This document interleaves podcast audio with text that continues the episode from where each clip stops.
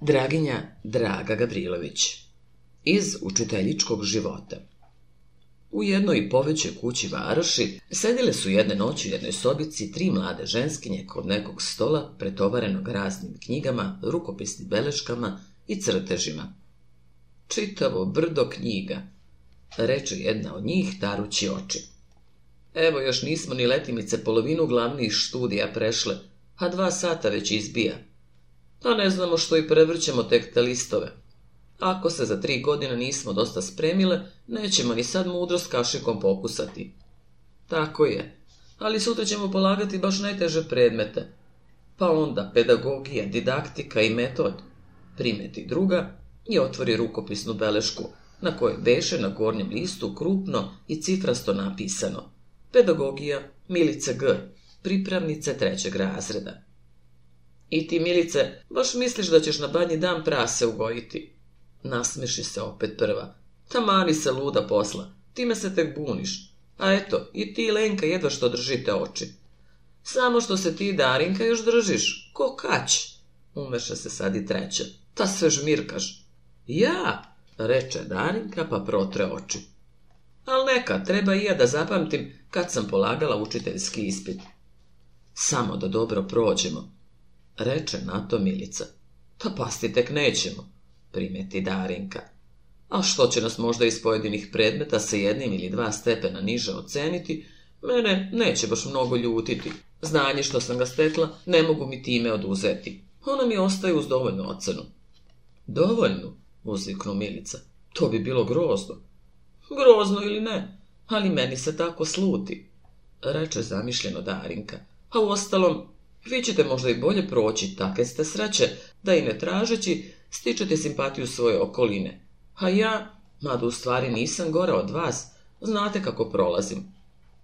Pravo imaš, i sama sam tako nešto primetila, otkad sam s tobom, primeti Lenka. Tebi se sve većima zamera, a dobra volja ne priznaje se ni od drugarica, ni od profesorske kolegije. Lepo je tešiš, osjeće se na to Milica. A što da me teši? Za malu pogrešku velika kazna. Za dobre strane nikaka priznanja. To je moja suba već odavno. No, ja se nadam da će i na mojih vrata sreće zakucati, pa ću je onda čvrsto za jako ščepati. Nasmeja se, iako malo usiljeno Darinka, pa se stane za spavanje spremati. I ti ćeš baš da legneš? Zapitaš u isti mah dve drugarice. Nije, nego ću tek badava s vama dremati, odgovori ona, pa se smesti u postelju. Blago tebi, uzdahnu ono, Milica, pa zatvori pedagogiju, a zatim uze psihologiju i poče šaptati. Psihologija je nauka. Hajde, študiraj od korice do korice, pa valjda ćeš sutra znati razložiti kakav se proces dešava u duši detinjoj kad ga učiteljica onako svojski prutom povrh prsti odalami, a to je i onako u svezi sa tezom iz pedagogije o nezi čulnih organa primeti je šalju Darinka i namesti svoju uzglavicu. Ćuti pa spavaj, reče oštro Milica. Za moju prirodu nije da gladim decu ko neku pudlu, a i ti ćeš vidjeti kako ćeš u školi proći bez telesni kazni. Posle pola sata Darinka je već spavala, a drugarice joj se također spremale da legnu. Pestaloci rodio se u Cirihu 1746. godine, Utrše u snu, ali dosta razumljivo Darinka. Aha, istorija pedagogije, reče Milica. I u snu pestoloci u pameti. Šteta samo što se u sadašnje doba ne nalazi kakav njegov poslodavatelj, a Darinka bi prva prošla tragom gospođice Šultesove, dodavra golo stolenka. I s tim ugasi lampu, te i ona zaspe. Zbogom, zdravo, sretno, čulo se na železničkoj stanici Varuši na nedelju dana po onoj pomenutoj noći.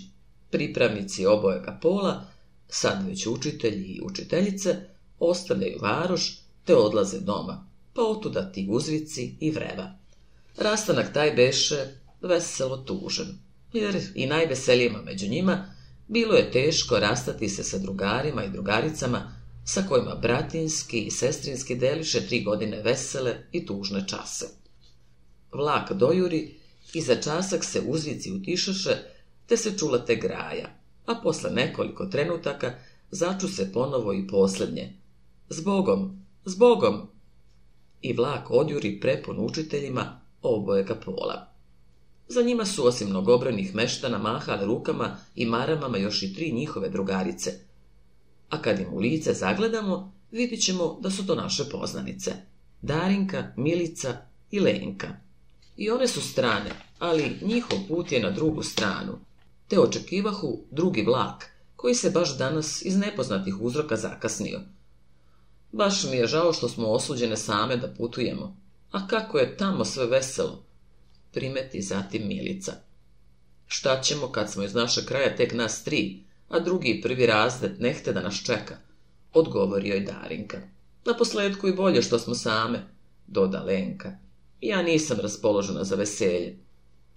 Tebi je sva tvoja svedočba u glavi, primeti Milica.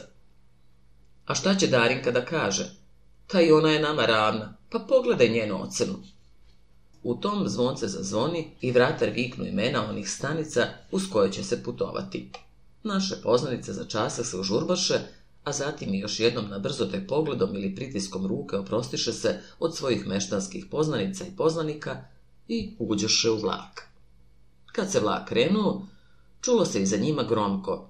Zbogom! A suze u očima jedne stare gospe, njihove gazdarice, svedočiše da su morale biti valjane devojke. Niko osmi vrana u tebe ne donela, reče Lenka, gledeći kroz prozor na varoš, pa odstupi od njega.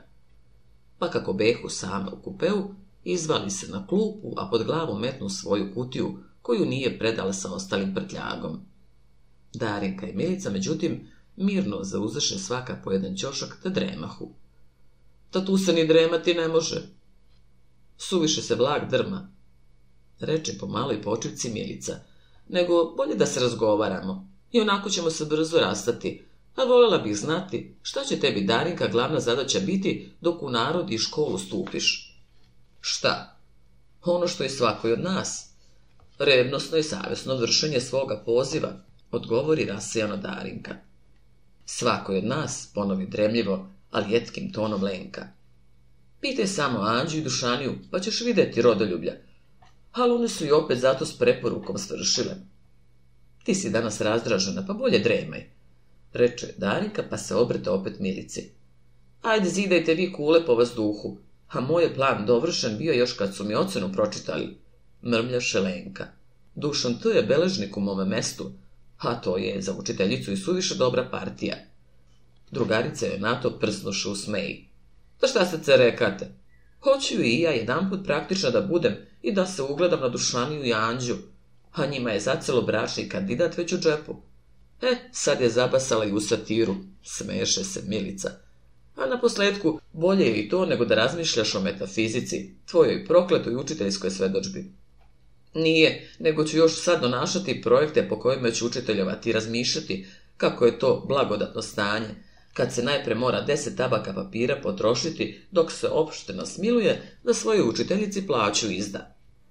Ti od neko doba i suviše crno vidiš, reče Milica, a ti me činiš nepravdu našem dragom narodu.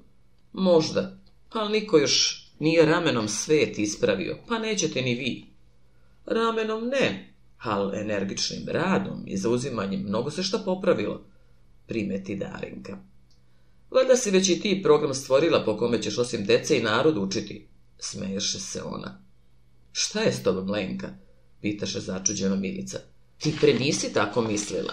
Tu metamorfozu donela je nepovoljna svedođba, reče opet sa osmehom Darinka. Badava se ti smeješ, planu sad Lenka. I u tvojoj duši morala je ta nepravedna ocena grdan i odrđevih posljedica utisak ostaviti. Ta i ti si u stvari, ako ne bolje, onda svima nama ravna. Pa kad se drugima gledalo kroz prste u svima predmetima, zašto se tebi u pojedinima nije moglo blažije suditi i bar opšta ocena bolja dati? Pa da stale volja i madež i da ti nije pleva u glavi, to su tek mogli uvidjeti. Pravda je u grobu, uzdahnu Darinka. I zato sam ja zadovoljna kad samo osjećam da nisam gora od vas, a slučaj je učinio da se moja prava sposobnost i vrednost previdela, pa šta tu vredi ljutiti se? Tu ko veliš nema adalacije, primeti Milica. To i jeste zlo, reče Lenka. I obrazovni ljudi slabo se obziru na pravu sposobnost, pa hoće da je previde. A pa što se tak može očekivati od prosta naroda, koji ne umeni da je oceni? Nego vidim ja da tu nema ništa i da pravo kaže naša seka pela. Bolje je imati sreće nek pameti. I tu naglo ustade i priđe prozoru. Svako je svoje sreće kovač, primeti Darinka, ali ona izgledaše kao da tek poslovicu citira, a slabo o njoj razmišlja.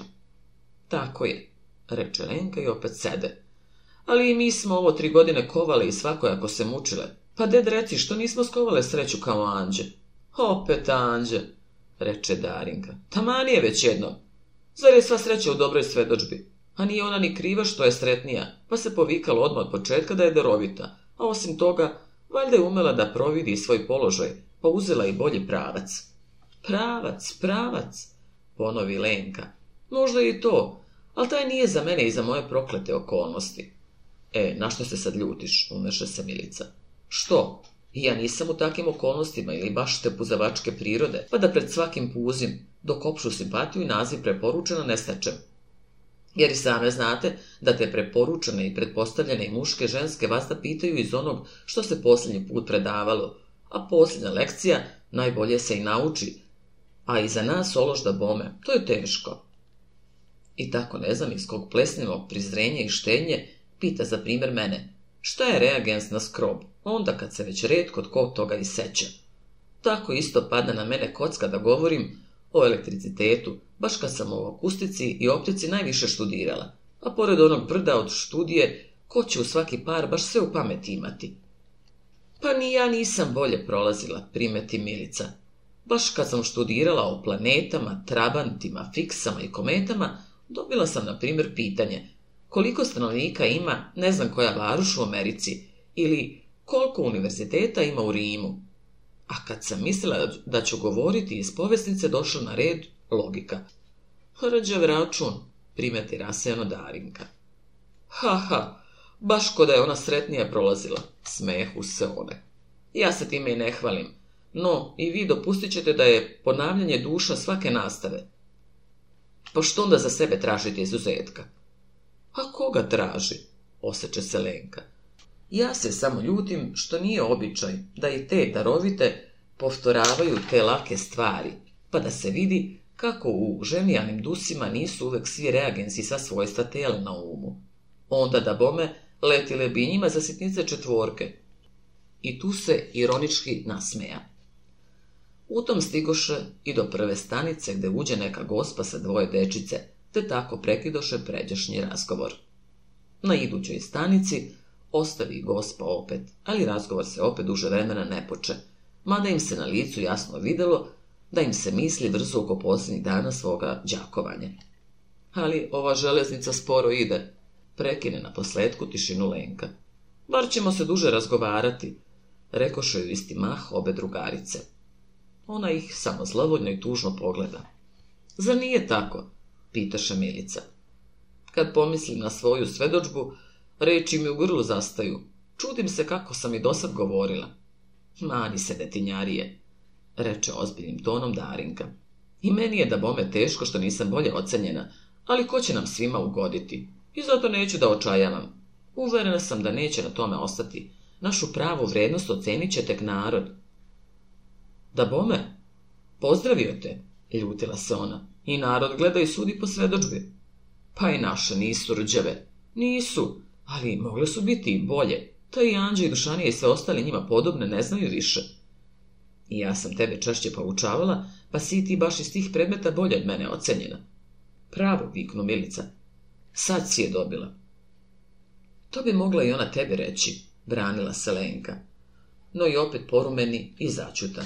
Neko vreme u sad sve tri, i to i Darinka i Milica gledeći kroz na gradima zasađenu okolinu, a Lenka čisteći svoj putni šešir što ga je skinula bila. Na posledku, kad je šešir sasvim čist bio, odgurnu ga ona na stranu, te opet nastavi. Moja ljutnja vama je detinjarija. A ja opet ne mogu da pojmim vašu ravnodušnost. Ta zar vi ne vidite da će nam te bajati darovite na račun svojih preporuka i odličnih svedođaba sva najbolja mesta pograbiti? Jer ko te pita imaš li ti ljubavi prema tome pozivu ili te je rukovodilo slavoljublje i moda? Nemoj pretarivati, reče sa Milica uklonivši se s prozora. One iako nisu bolje od nas, opet su nam bar ravne. Da, pa, već vidjet ćemo, gunđala je ona. Naučile su na lak život, pa će tako hteti i u školi. A pa one glavice nisu tako ženijalne, pa treba više strpljenja i razlaganja. Šta neće ogorčenje znači, nasmija se Darinka. S te strane još te nisam znala. Ja nisam zlobna, iako sam ogorčena. I moja primjedba dopustit ćeš da je osnovana i na mestu. To će budućnosti narod presuditi. Jest, doda Milica. Okušat će se njihov rad u životu. Vidjet će narod i njihovu valjanost, a tek tu neće biti nepravde te će i opet važiti da je svako svoje sreće kovač. Već dobro, vidjet ću šta ćeš i onda sakovati. One će dobiti varoš, a ti selo, pa se i opet ne može meriti. A što ne? Pitaše Darinka. Da svako pametan znade da je ju dobru lako dobar biti, nego da se na muci poznaju naci. Vidjet ću i tvoje junaštvo dok dospeš u kakvo zatucano selo sa minimum platom i stotinu zanemarene dece u školi. Sposobnosti mislim da sam stekla, trude i rada se ne plašim, a i volje imam, pa što bude moguće za celo ću uspeti, reče Darinka odvažno, a obrazuje se čisto za planteše. Što bude moguće veliš ti, no i ja napred znam da će sve to vrlo malo biti prema trudu što ćeš ga imati, pa i taj grdni trud bit će ti nenagrađen, previđen i bez svakog priznanja. Ljudi, draga moja, tek ono cene i uzdižu što se sija, a kome bi još palo na pamet da vidi požrtvovanje i rodoljublje u neznatnome radu seoskog učiteljstva. Darinka uzdahnu i sve tri se drugarice za časak zamisliša. Znate šta? reče po tome Darinka. Mi ćemo sve tri vremenom biti učiteljice. Zato vam se obričem da ću posle tri godine svoga rada, ma gde ja bila, dati vam izvršće o svom radu u školi i o mišljenju što sam ga za to vreme u školi stekla, a to ćete i vi meni obreći. Primate li? Primamo, rekoše obe drugarice. Nego onda se moramo kod mene lično sastati, a ne tek samo preko pisma, dodao Šlenka. Evo ruke, reče Milica, a Darinka je također pruži svoju ruku. U tom stigoše do jedne veće stanice. Tu uđe više putnika, te im govoru za drugi pravac. Eno vrh tornja u mome mestu, Viknu jedan put Lenka. A još malo pa ćemo stići do stanice gdje ću sići i... Hoće li vas kod dočekati? Prekide jedna radoznala putnica, koja se možda radovala da će uživati scenu radosna sastanka. Neće me dočekati, nisam mi mogla izvesno naznačiti dan svoga dolaska, odgovori ona, pa se i opet udubi u posmatranje tornje. Jesi li ga se sita nagledala? šanuje Milica. Da li je taj tvoj dušan T crkvenjak? Ja bi zagorno tko dano rešila. Onako gledam, gledam pa opet baš običan toren. Ona se drže i milo je pogleda. Ovdje ću, kao što znate, kola uzeti, reče zatim. Pa hajte i vi sa mnom. Ja bih vrlo volela, a i moji bi vas jedva dočekali. I mi bi volele, ali ti znaš naše karte. Ona uzdahnu i učuta. Znali da su uzele karte do T iz kog sobe i bile, i da su im roditelji istina valjani, ali baš kao i njeni, siromašni ljudi. Posle nekog vremena stade vlak i konduktor otvori vrata. One se iskreno zagrliše i žljubiše, a kad se vlak opet krenuo, gledala Lenka suznim očima za njima i mahala maramom. A kad ih je iz vida izgubila, čulo su u kupeu kome beše Darinka i Milica još zadugo ugušeno i silom zadržano ljecanje. I tako je radoznala debela putnica uživala bar scenu rastanka. Međutim, bila je u tu sasvim zadovoljena. Tu su naše putnice dočekali, osim roditelja, još i srodnici i poznati, te radosti ne beše kraja. Tri godine prohuješe, a i četvrta se već uveliko brojala, kad Lenka, koja je kao i drugarica je već davno učiteljica u nekom selu, pisaše Darinci i Milici ovo. Svako je svoje sreće kovač. Čula sam često od vas, kao što vidite, ja vam obema pišem u jedan put, a posle ću tek prepisati još jedan primjerak. Tako mi se bolje svidi, jer sam naučila da sve tri zajedno i dobro i zlo delimo, pa vas još i sad u mislima radije predstavljam. I zato sam i ja svoju sreću i sve snage pokucavala za ovo tri godine na onome polju koji mi je u deo dao, ali je sakovati ne mogoh. Prava sreća sastoji se u zadovoljstvu, govorila je uvek Darinka dok smo zajedno bile, ali ja ne mogu da se zadovoljim ni svojim uspehom u školi, a još manje uplivom škole na narod. Trud koji u svome pozivu za ovo tri godine polagah ne isplaćuje se ni novčanom naplatom, ni priznanjem naroda. A kad metnem ruku na srce moram još pripaziti da u svu svoju muku, trud i volju i narodu malo privređujem. Tome da bome nisam ja kriva, već okolnosti i nemar našega naroda prema učiteljstvu i školi. No, baš stoga i ostavih taj poziv, te sad nisam više učiteljica. Zamerat ćete mi da nemam istrajnosti i energije. Pa dobro, neka je i to, neću da se branim. Ali glavni je uzrok što ja ne spadam u prirode što svoju ličnu sreću žrtvuju opštem interesu i onda kad se ta žrtva previđa od strane onih za koje se žrtvujemo. I ja u onom stanju ne bejah zadovoljna, a svako je svoje sreće kovač, te ja pokušam da je kujem u drugome pravcu.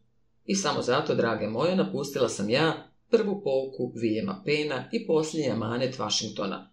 Učite narod.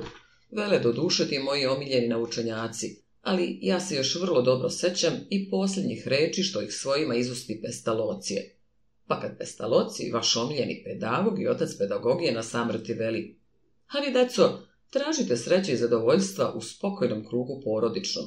Onda ni vi ne možete meni zameriti, što sam tako brzo sledovala njegovom savetu. Ali, kako vidim, tabak je skoro pun. Zato vas neću dalje mučiti amanetima mudrih ljudi, nego ću vam nako prosto reći da sam se udala još pre tri meseca. Znam da su vam sad prve misli, za koga? No, baš to ostavljam da pogađate, jer koliko se sećam, obe ste volele zagonetke. Nego, znate šta? Moj muž vas obe pozdravlja i zajedno sa mnom moli da nam o njegovom imendanu o Konstantinu Jeleni u goste dođete. On je rad da vas pozna, a i ja mislim da je već vreme da se opet vidimo i da pri rastanku iz škole zadatu reč ispunimo. Mi se oboje tvrdo nadamo da ćete nam doći, a dotle ostajte zdravo vaše lenci. Kad dođete, ne tražite me učiteljiči do stanu, već siđite u onu veliku kuću preko puta. Na dan Konstantina i Jelene stadoše zaista pred onom velikom kućom u selu bio jedna kola, a u njima sedala je Milica i Darinka.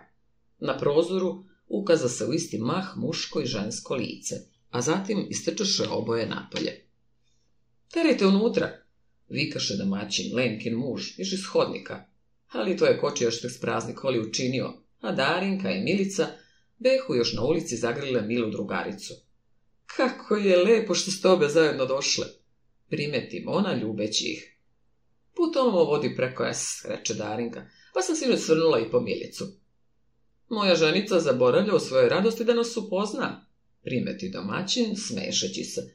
Zato moram i sam reći da sam joj ja muž, Kosta T, oznašnji beležnik. Milo nam je, reče Darinka, pruživši domaćinu ruku. A ja sam Darinka, a ona je, razume se, Milica. I tu se onako svojski i srpski bez svakog cifranja rukovaše. Ta već reči Darinčini video si koja je Milica i zato ih nisam po pravilama etikeciju poznavala, smeše se zatim Lenka. A one znaju i bez mene da si mi muž. Sad nisam više učiteljica, pa ne mogu pomisliti da si Čiča Harlampije, moj familijaz, iako do duše na njega ličiš. Ti sve ona stara, primeti Milica i s tim uđeš u kuću da ih Lenka i domaćin upoznaše i s drugim prisutnim gostima, što dođešu da čestitaju dan. Inače, ne beše nikoga u kući. Gospodin Kosta ne bio poreklom meštanin, a osim toga bio je i siroče, bez ikakve bliže svojte. Taj dan do uveče proveduše veselo u društvu sa ostalim gostima. Veče, međutim, beše udesila Lenka da im samima ostane. Znala je da će već sutra drugarica opet otići svaka na svoje mesto. Taj san mogle su je tek zato doći što je danas subota, a sutra nedelja, inače nema učitelju u vreme školskog ošćenja. Po večeri, kad se osvača svačem već ostana razgovarale, reče Lenka molećim glasom i pogledom da je već kasno, tada ode spavati. Ali ja baš neću, šalio se on. Znam da ćeš im pripovedati kako si me ulovila. Hoću, dakle, da čujem, hoćeš li što slagati? E, pa, ostani kad baš hoćeš, no mislim ja da pa ne i pitajući pogled svoje drugarice. Ko je šta? Rekoše u isti mah obe drugarice. Ostani ti, Kosta. Ono što smo mi radile i doživjele ranije nije tako opasne prirode da se baš tajiti mora. Sad su, kao što smo čuli, već je s njime bila ti. Lenka je željela da tako bude, a one se nisu mnogo ustezale. Ostaću kad opuštate, reče gospodin Kosta. Koja će početi, pitaše Lenka. Zaprvi ti, reče Daring. Odakle da počnem? Iz pisama već nešto znate. One možda i znaju, no ja bih volio sve čuti, uplate se gospodin Kosta. E pa počni od kraja, reče veselo Milica. A Kosta je, ko što smo danas čule, hitar stenograf, pa može odmah i stenografisati. Ako dopustite da tim beleškama nezavisno raspoložem, odmah ću se dati na posao. Nama i onako nisu nužne. Ali ja bih štampao, a to vam već ne bi bilo pravo. Bože, sačuvaj. Mi ništa nemamo protiv. Šta više, za svoj trud znači ti početak toj pripaveci. Ona se možeš datirati od dana našeg ispita, pa ja i onako adem sve pribeleženo u svome dnevniku. Gild, reče domaćin onako po srpskom običaju. Zatim donese pisaću opremu, te veselo uze olovku u ruke. Počni, žena. Kako smo položile i kako smo putovale, znate. Ali ja ne znam, umeše se muž. Pusti je samo neka po volji govori, čućeš posle od mene što ti još ustreba, reče mu Darinka. Da si ti Darinka dobila mesto, doznala sam iz Miličina pisma, u kome mi još javljaše da je sama postala učiteljica u S. To mi je dalo povoda da se slatko nasmejem, jer, ko što znate, i sama sam tada tek od kratkog vremena postala ovdašnjom učiteljicom, također sa minimum platom, koju i vi imate. Sve tri, dakle, imamo tek devet stotina. Anđelija sama ima v 500 forinata, još i nešto zemlje i stan koji najmanje vredi 150 forinata godišnje. Ali naravno, ona je do protekcije sreće, pa ima svedožbu s preporukom, a to je dovoljno da i najbolje mesto dobije. Međutim, mi na stvar, prekide smešići se gospodin Kosta. Bravo, veliš, ja sam zaboravila da Darinka i Milica na red dolaze. Doselila sam se amo sasvim sama. Nastavi zatim. Mati i otac ne mogu se zdamo seliti, a sestre su mi još malene. Zato kad mi posle tri dana mati ode doma, bila sam sasvim sama u svome stanu, odnosno u svojoj sobi, a u drugoj sobi stanova je hromi Haralampije sa svojom nagluvom baba Nastom. Baba Nasta beše dobra duša. Večito se starala da me svojim pripovedanjem zabavi, ali vi znate da sam ja pokad kod neblagodarno stvorenje, pa me i sad njeno čeretanje i pripovedenje kako Grk i ovina Kata nema volju, što je za učitelja došla ženka, ne da zabaviti. Šta više, to me je baš rastužilo. Po tome sam vidjela kakvim osjećajima prima me okolina s kojom sam osuđena da živim i da se družim. Baba Nasta mi je do duše pripovedala i to da su gospodin Ataroš često na svom prozoru otkad su gospođa Frajlica ovde, no ja njega tada nisam poznavala, to je samo rekoh da se srpski ne kaže gospođa frajla nego gospođica, a uzgred primetila sam još da gospodin Beležnik celo nema posla, pa zato gleda kroz prozor. Bre nije, reče mi baba Nasta, lukao me gledeći. Uši mu se glava od posla, nego on baci oko na gospođu Frej, ovaj, gospođicu. Prvu godinu svoga učiteljevanja provela sam kako tako. Truda me je dosta stalo, ali zato i beše ispit po novijem učiteljskom izrazu. Sjajan. Moram priznati da istinu govori, primeti domaćin. Samo mi je vrlo zagonetno što ti uz opštinsku hvalu do neba ne beše zadovoljna, nego ostavi taj uzvišeni i plemeniti poziv. Ta, nemoj misliti da si tome baš ti uzrok. Imala sam ja za taj odsudan korak i drugih važnijih razloga i pokretača, nastavi žena, jer treba da znadeš da glavna zadaća svakog savjesnog i valjanog učitelja treba da je razvijenje uma i oplemenjavanje srca dečijeg, a uz to treba da im ulije u njihovu glavicu i sva znanja koja su zakonom propisana. Ja, kad sam u školu stupila, htela sam se toga držati, ali nabrzo sam uvidjela da za taj ogromni posao deset školskih mjeseca više kratak rok, a deca i su više zapuštena, da bih ja, uz njihovo često izostajanje od škole, dušu oplemenjavati, rđave navike odvikavati, a uz to i znanja valjan uspeh pokazati mogla. I tako se po dužoj borbi sa svojom savješću prihvatih praktičnih pravca, te glavnu svoju brigu obratih znanju dečijem, a ostalo beše mi uzgradan rad, koje sam preduzimala tek onda kad mi vreme dopusti i kad sam uvjerena da je ostalo već dosta utvrđeno i u redu. Time sam da bome opštinu zadovoljila, no ne svoju savest, koja me je vazda mučila da sam nedostojna toga poziva kad ga ne vršim po svome uverenju. I zato sam i nehotice crvenila i zastidila se kad sam čula da me i obrazovani ljudi hvale, a uslijed toga osjećanja postadoh i nezadovoljna. Gle, gle, reče Milica, da ti si bolja na mnogi od nas. Nemoj me hvaliti, jer nisam zaslužila. I nisi, reče skoro strogim glasom Darinka. Trebala si delati po svome uvrenju, a ne osvrtati se ne znam na čije mnenje ih pohvalu. Lako je tebi tako govoriti, ali ja ne spadam u prirode tvoje vrste koje u svome zanosu da pravo i plemenito rade, često proigraju svoju ličnu sreću i... Lenka! upada je mužu reč. Ti vređaš. Zna ona da je zato isuviše volim, reče Lenka pogledavši drugaricu, pa kad je na licu vide da je razume, osmeljena nastavi. Jes, ja ne spadam u prirode što se svoga ličnog prava na uživanje lako opšte koriste odriču. Zato sam ujedno imala na umu što će svijet o meni i mome znanju i sposobnosti reći. I zato sam, vidim, tako radila. Pa tako radi i većina, primetio je muž, a Milica i Darinka zamišljeno čutahu. Nego, šta vas da otežem, nastavi po nekom čutanju Lenka. Moje je uverenje da nijedan učitelj ni učiteljica na selu, razumete li na selu, reče kada Darinčinom licu vide da već zna šta će da kaže, da joj dobriti neće, ne može pri današnjem nastavnom planu i seoskom nemaru za školu i valjan uspjeh sa decom u znanju pokazati i spremiti decu za u pravom smislu sve valjane članove čovečanstvena. Da se to postigne, treba za selo sasvim zaseban nastavni plan i što je glavno bolja plata seoskom učiteljstvu.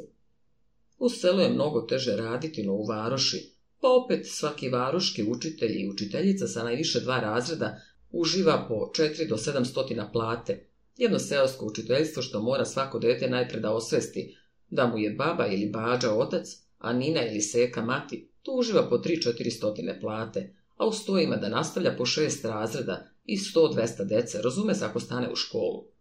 I tu onda pokaže pristojan uspeh i ima je volje na učiteljski poziv. Na stvar Lenčice, rečo je opet smešeći se muž. Ako Darinka i Milica tako stanu razvoditi, nećemo ove noći ni trenuti. Ne boj se, bit ćemo kratke, primeti Milica. Mi nemamo kao ona da branimo svoj prenaljeni korak, nego ćemo samo kazivati šta smo za ovo tri godine iskusile. Zar je Rđevo učinila što se udala? Pitaše on. To ne, ali mogla je udadbom još pričekati, odgovori Milica. Samo samoradnjom u školi sad je tek stekla iskustva, pa je trebala time i narodu duže da posluži. Opet narod, reče jetko Lenka. A nećeš da znadeš da se od rodoljublja ne može ni tri dana živeti. Narod i opština kad hoće da im valjano služimo, neka se bolje pobrine za nas. A ne da nas mane da u svom pozivu mučeći se i glad osetimo. Ta nemoj preterivati, umeše se sad Kosta. Gladna nisi tek bila. Nisam, ali da ne veše moga bave i strpljivih kreditora bilo bi i toga, s našim forintačama i peticama, što mi ih kod bede davaste, ne bih mogla hranu nabavljati. Ti se baš zžestiš, smeješe se on. Pa šta si htjela sa onim vi, jako beležnik, šta sam ti mogao pomoći? Ta tako vi naučitelji vas da zborite, pa onda vam je svo učiteljstvo krivo. Nema vam i strajnosti, i sposobnosti, šta znam ja, šta još vi ne ređate. A nećete da se setite da smo i mi ljudi, reče ona došavši u vatru. Gle, gle, još ćemo se i posveđati, primeti on, milo je pogledav. Ona se trže i porumenevši reče. Oprosti, to je govorila učiteljica, a žena znaš kako o tebi misli. I s tim još jače porumeni i za časa kućuta. Nastavi samo, odobravaše on poljubive u čelo i onako znam da ćeš skoro svršiti. Sad mi ne ostaje drugo, znam još da vam kažem kako smo se poznali i uzeli, a to se po sebi razume, te nije nužno ni da kažem. Šta nije, to je baš interesantno, prihvati on i ostavi olovku. Nego, to ću im ja pripovedati, ti ćeš možda što slagati. Tako će bolje i biti, primeti Milica. Ali, ko će onda beležiti? smeže se Lenka. Nije nužno da se beleži. Ono što ću kazati ostalo mi isuviš u pameti, pa mogu i posle dodati reče on i poče. Seka nasta nije lagala. Ja sam, otkako je nova učiteljica došla, češće virio kroz prozor.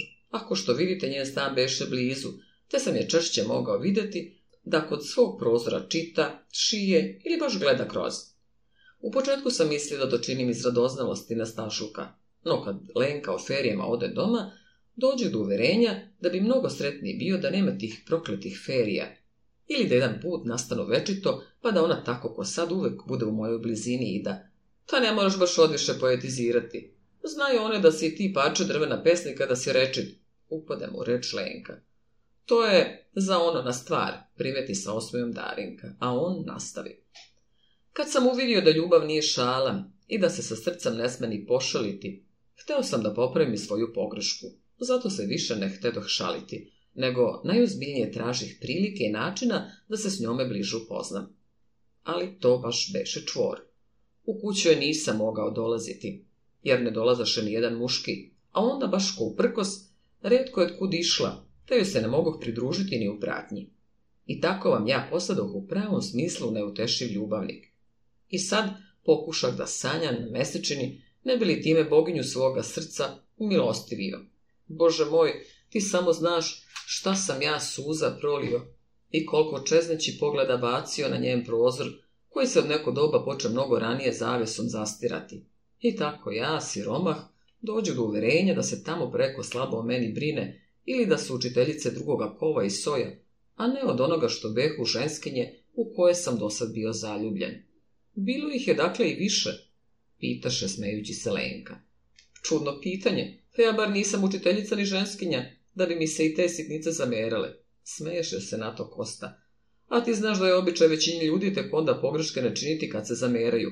Meni dakle niko nije zamerao i zato sam bio čas u jednu, čas u drugu smrtno zaljubljen. Čini mi se da ti je na smrtu ljubavi najbazazlenija već u očima čitala. Smiješe se opet Lenka. Zato bi baš voljela znati koliko njih je u tu ljubav verovalo.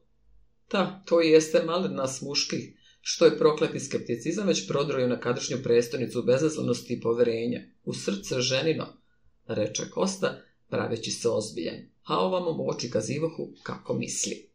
I otrov je pokatkad koristan, a sumnja je ovdje sasvim na svom mestu, primeti Darinka.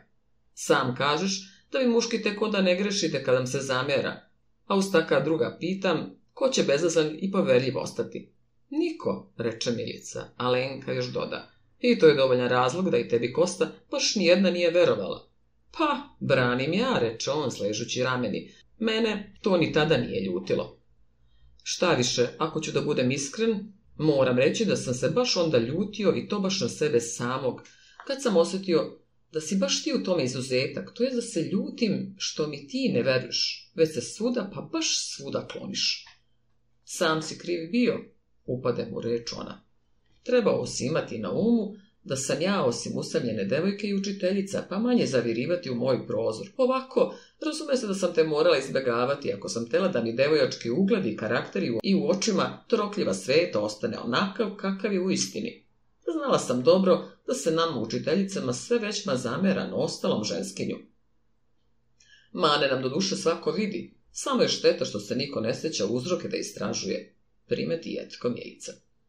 Ti bi htjela da se naša okolina vlada po pravilu, uništite uzroke, a posljedice će i same nestati, nasmeši se Darinka. To pravilo, draga moja, upotrebljuju tek učitelji i lekari, a za ostali svet ostaće ono vazda tek teorija i fraza. Da, to me baš i ljuti. Sve se ne može jednim ramenom ispraviti, a sebičnost je najopštije svojstvo čovečije, pa što vredi ljutiti se, nego bolje pustimo kostu da svrši, primeti Darinka pogledavši u sahat. Eno, već bije devet. Domaći na to počne. Kad sam na posledku uvidio da ne vredi u tom slučaju ni na sebe ljutiti se, jer čovjek biva sve zaljubljeniji, a ja onda lepo pokušam da zaboravim ono dve do pet hiljada što bih možda u ženu dobio, da se nisam u Lenku zaljubio. To me razume se samo po sebi dosta muke stalo, ali opet sam Megdan održao.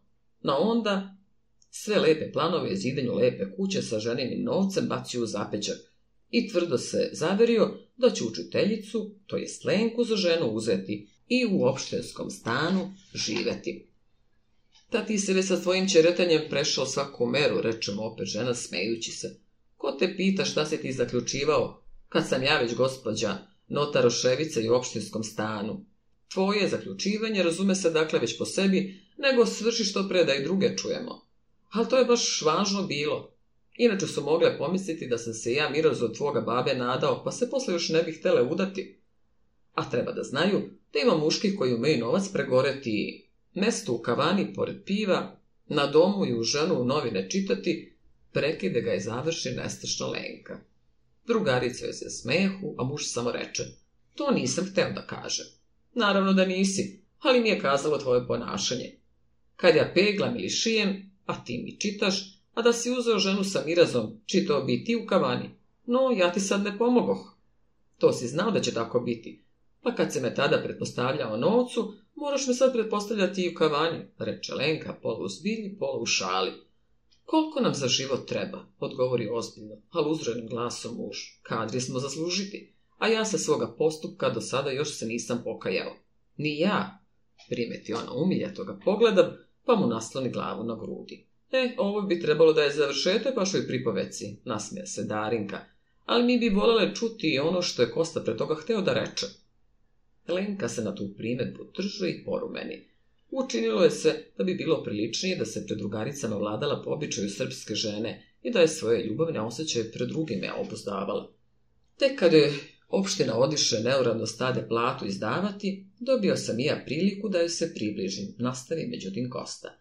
Ali razume se da sam pre toga postao sasvim ozbiljan čovjek. Na prozoru me nije više nikad niko video, a kad sam u društvu slučajno s tom se desio, niko nije mogao opaziti što se u mome srcu zbiva.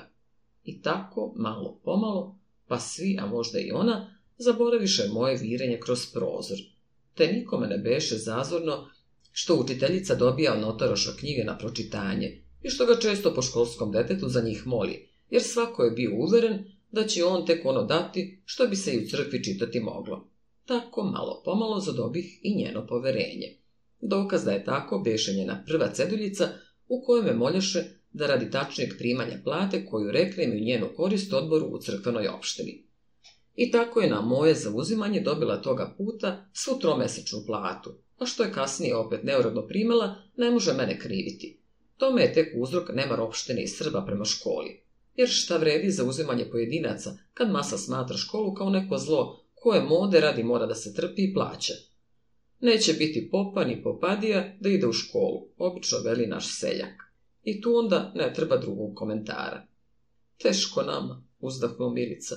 I onda još imamo obraza hvaliti se da mi u prosveti napredujemo.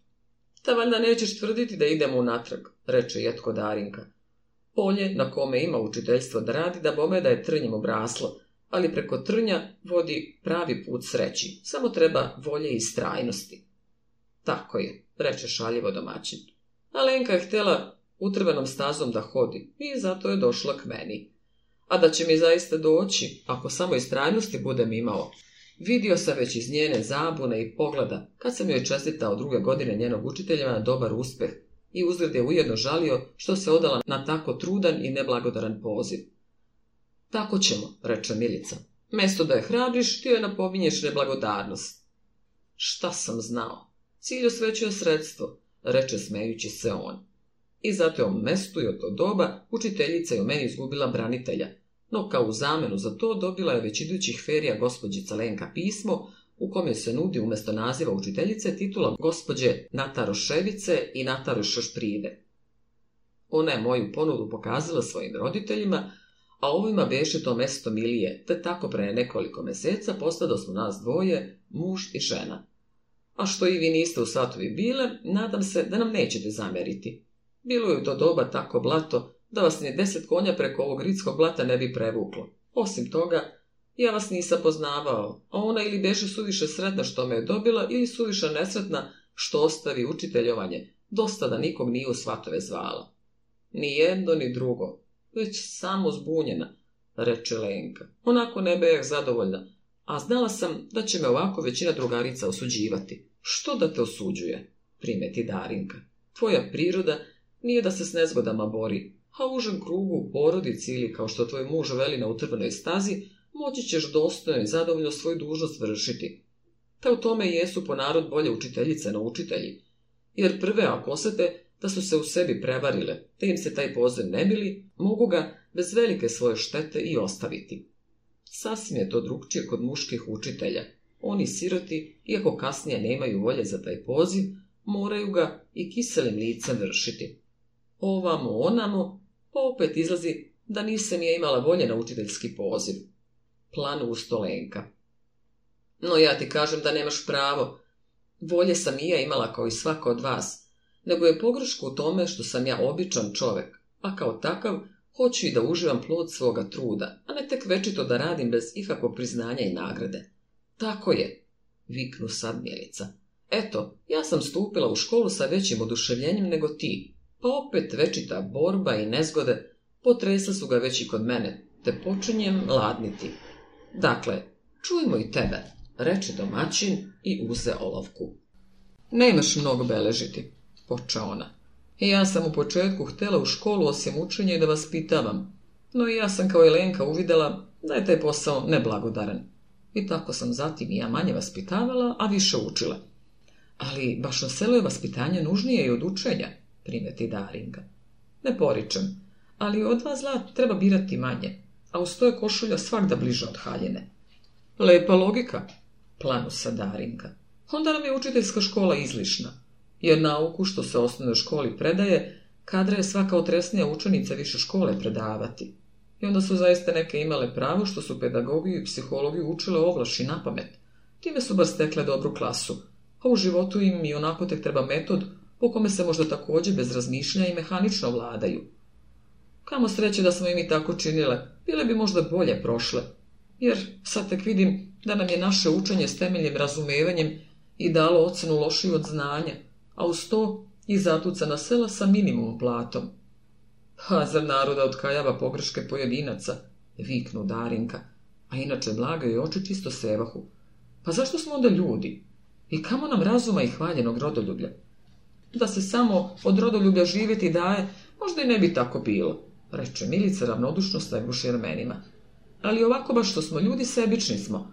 Osim toga, ja sam jedanput u životu pohvalila, pa neću više. Ili bi ti htjela da zbog rodoljublja i mog uverenja da dobro radim i u ovom zabačenom selu lošije ocenjena budem. Ne, toga više neće biti. Kad bih ja tako radila, video bi se moj grdan trud, te kad bi moje učenice odrasle, a to je više dug rok i za mene, a još više za svet koji je nestrpljiv i sujetan, pa uživa u starmalo naučenoj deci. I zato je, vidiš, najpametniji onaj ko svetu po volji čini. Darinka pri poslednjim miličnim rečima, odobravajući uzdahnu, i svi, pa i domaćin za časak čutahu. Uostalom, reče Milica kad vide da je Darinka neverujući posmatra, vi obe dobro znate da ja vas da blaže mislim no što se možda izražavam, te sam ovdje tek izrekla svoje misli, a u samoj školi teško da bi oko veštija pedagoga našlo mane, koje bi se u seoskoj okolnosti otkloniti mogle. I tako sam ja i opet po mogućstvu svoju dužnost dostojno vršila. Baš kao i ja, primeti Lenka. Pa šta ste onda same sebe pobijele, pitaše Kosta. Što? Ponovi zamišljeno Darinka. Eto zašto? One uviđaju da im u delanju imade nekih nedostataka koje one same, bez opšte pomoći, ne mogu da otklone, pa im je teško vršiti svoj poziv bez uverenja da ga sasvim dostojno vrše, a za dostojno vršenje treba opet isuviše samopregorevanja. Baš kao da mi iz duše čitaš, uzviknu čisto Lenka. Zar ti misliš da ja nikad ne dolazim u tu vrstu iskušenja, pa da vas baš ne mogu razumeti? Reče smešeći se Darinka. Ona ilazi na mene počešće ta čuma, ali ja se nje brzo tresem, pa sa udvojenom silom opet pregnem i radim, bar koliko mogu. Mogla bi se malo i štediti, primeti Lenka. Zdravlje se ne kupuje na vašaru, a neće ti niko ni obesiti kolanu za tvoj suvišan rad, doda još Milica. I kad bih htjela da se usiljavam, ne bih mogla. Mi, učitelji, da vas da se moramo osvrtati i na decu, reče ona zamišljeno. vas pa se braniš, reče Milica. Po tebi se vidi da mnogo radiš. Zdrava si. A slabija si no što si bila u zavodu. Pa šta to čini, samo kad sam zdrava, reče Darinka, nasmeši se da dobro znadeš da je tvoj omiljeni pedagog Viktorin od Feltre mrzio telesinu. A ja ne idem tako daleko, nego tek velim, telesina ne čini čoveka. Ta pa ne čini, nasme se vragola stolenka. Ali eto i Kosta već primetio da bi ti bila lepša i od Milice, tek da su ti već od prirode okrugli obrazi malo puniji. Muški poslovi, reče Darinka onako i ne misleći baš kao što često i muški mehanično izriču neki tome sličan izraz. Lenka i Milica prsnuše u smeji, a ona se trža i porumeni, jer vide kako je domaćin ispitujući Meri. A taj pogled ujedno joj i kazivaše. Ti ili si krajnja iskrenost ili krajnja koketa i đavo. Zato još većma porumeni i za časak obori oči te zbunjeno reče. Zaboravila sam da je Kosta među nama, no on će oprostiti, svuda ima izuzetaka. Valjda da oprosti što si nehotice istinu kazala, reče Lenka, pa se opet zasmeje. Ma se cerekanje. nego će pametnije biti da Milica nastavi. Hoću još da čujem i Darinku, reče muž, pa se uozbilji i opet uze olovku.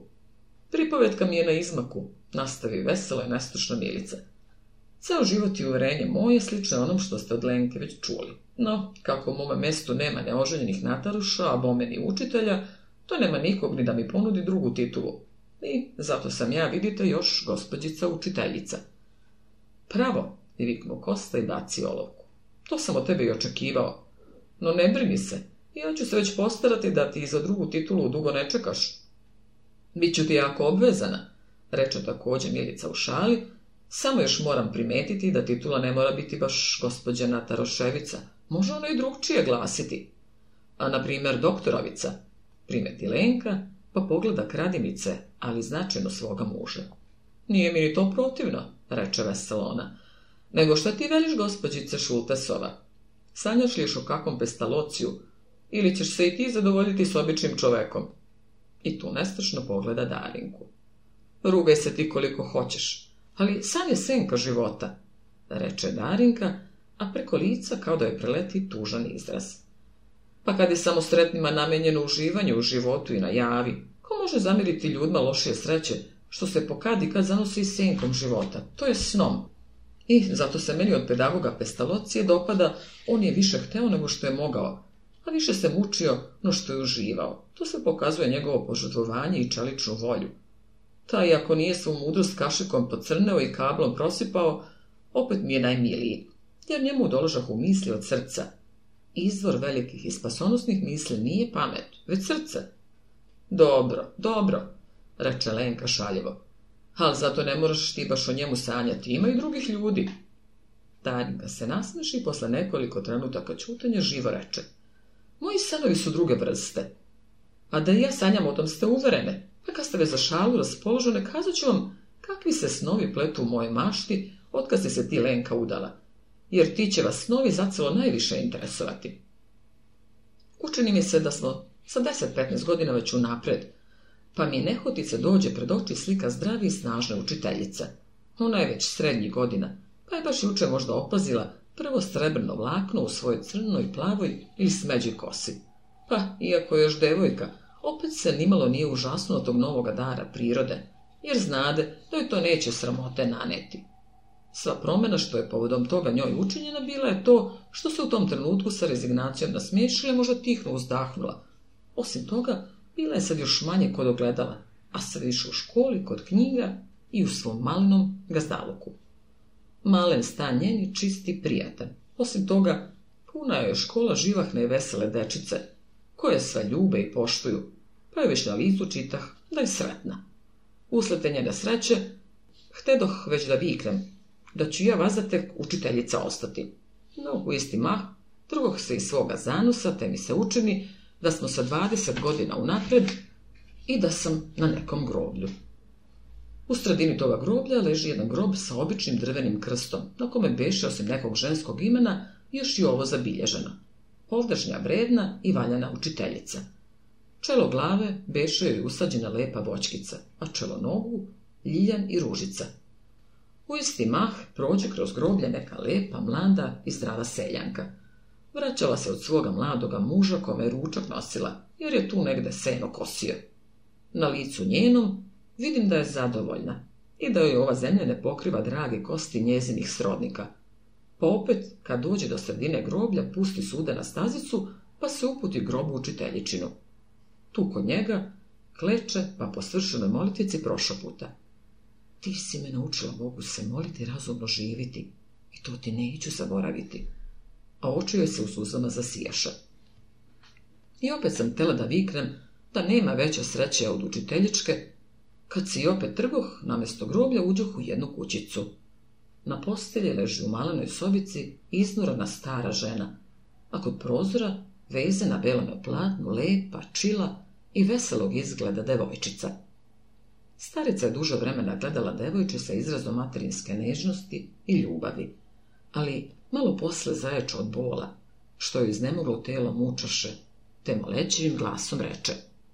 Milka, dodaj mi malo hladne vodice. Odmah, tetka, reklo je devojče. Ali kad je posle deset minuta vode iz bunara vadila, možda i nehotice šaputaše. Kad ću vez dovršiti, kad svaki čas treba vode? Pa i ta mati, ne znam šta je mislila kad me amo dovela. povrće me svaki čas. Pa šta će nam zato ostaviti? Tu otrcanu kućicu. A tričava učiteljička penzija će čim nje nestane. Pa, to je suba svi učiteljica, viknu skoro Milica. Ne znam, reče Daringa, a ozbiljno je izraz na licu pređe u osmej. Ali toliko mogu reći da od toga doba nikad ne sanjam. Čim hoće da me snađe ta beda, ja ti se lepo zabunim u posao, jer ko velim, bolje je najgora java od tako luda sna. A zar ti nisi nikad sanjala prijatnije sne, reče gospodin Kosta, pogledom punim bratinske iskrenosti i uzrenim glasom. Na primjer, da si posle nekoliko godina korisna rada nastanila se u kakvoj sretnoj kućici uz druga koji bi te volio kao jalenku. Na darinčnom licu nestade osmeha, pa porumeniše reče prostodušno. Lagala bih kad bih poricala. Pa šta o tome veliš? Pitaš ovisti mah muž i žena. Šta? Sam ništa, onda sam uzdahnula. No tu se drže i još jače porumeni. Ne razumem te, reče gospodin Kosta pitajućim izrazom. Lako me je razumeti. I ja sam probiračica, pa ne mogu da se zadovoljima čime. A malo je ljudi što su kadri zarad obične ženskinje napustiti plan o zidanju lepe kuće sa ženinim novcem. Varaš se, reče vragolastim osme Milica. To je možda tako kod druge narodnosti, no mi Srbiji u tome smo napredniji. Naša inteligentna braća samo se iz čiste ljubavi žene. Njima je glavno žena, a narodnost i novac za njih uzgradna stvar. A da istinu govorim, uvidjet ćeš i ti. Čim se setiš onih mnogih Nemica, Mađarica, Vlahinja, pa čak i Franceskinja, kojima se naše inače ultra srbende i bez jednog novčića mira zapoženiše. Zaista treba samo dobro da se razmisliš, pa ćeš naći da je kod nas Srba u tome pogledu još cveće tuđinac ne bi ti se ženio srpkinjom i da mu je kad dukatima zaspeš. Ne bi srpkinja ni pošla za tuđinca, primeti ironično Lenka. Srpkinje se još nisu toliko emancipovale, da je humanizam i svijest kod njih jača od rodoljublja. Da to Darinka ili Milica govori, primeti šaljev gospodin Kosta, ja bih rekao da su zlobne, a ovako samo te moram setiti da ima i srpkinja što pođeš za tuđince. U hiljadu možda tek jedna, reče ponosito Lenka a što je više to se žrtvovalo možda kako je svetio i celji, ili je tek uzred nosilo ima srpkinje, a u stvari ne beše ni srpkinja, ni žena, nego tek lutka, a to je sretan put. I onako neće usrećiti ni sebe ni druge. Tako možda misle i prave tuđinke o svojim raz sestrama, što se posrbiše, reče gospodin Kosta, i ne misleći mnogo o svojim rečima. Meni je malo slučajeva poznato je gdje je Srbin uzeo tuđinku, a ono što znadim svuda behu valjane ženskinje, reče ozbiljno Darinka ali tvoje reči Kosta ne moraju zato biti naopravdane, jer izuzetaka nalazi se svuda, a pravo da kažem ni sama ne pojmim ženskinju koja će pored sebi radnih u tuđinca se zagledati, i zato se i meni čini da takvu ženskinju možda moraju uz dobra svojstva karakterisati bar i dobra doza lakomislenosti i samoživlja. Ili, ako ne to, onda je srce pokvareno, pa je ništa nije sveto, nego je već išla na to da onome pruži ruku gdje će moći uzurnije živjeti i luksus terati, a tako je do bome malo stalo, je li njen muž hrišćanin ili čivutin, mlad ili star, pošten ili obešenjak, sretan ili nesretan, jer ona uživa u lažnom sjaju, pa je dosta kad je uverena da će pored muža komodno živjeti ili uz njega nekoga ugleda u svijetu steći. Tako i ja mislim, reče Lenka. I zato mi je nepravo što će ti parazitski karakteri, što im je glavna crta lično zadovoljstvo, da budu majke i pramajke našoj uzdanice srpskoj, to je budućem naraštaju povećega dela inteligentnih srba.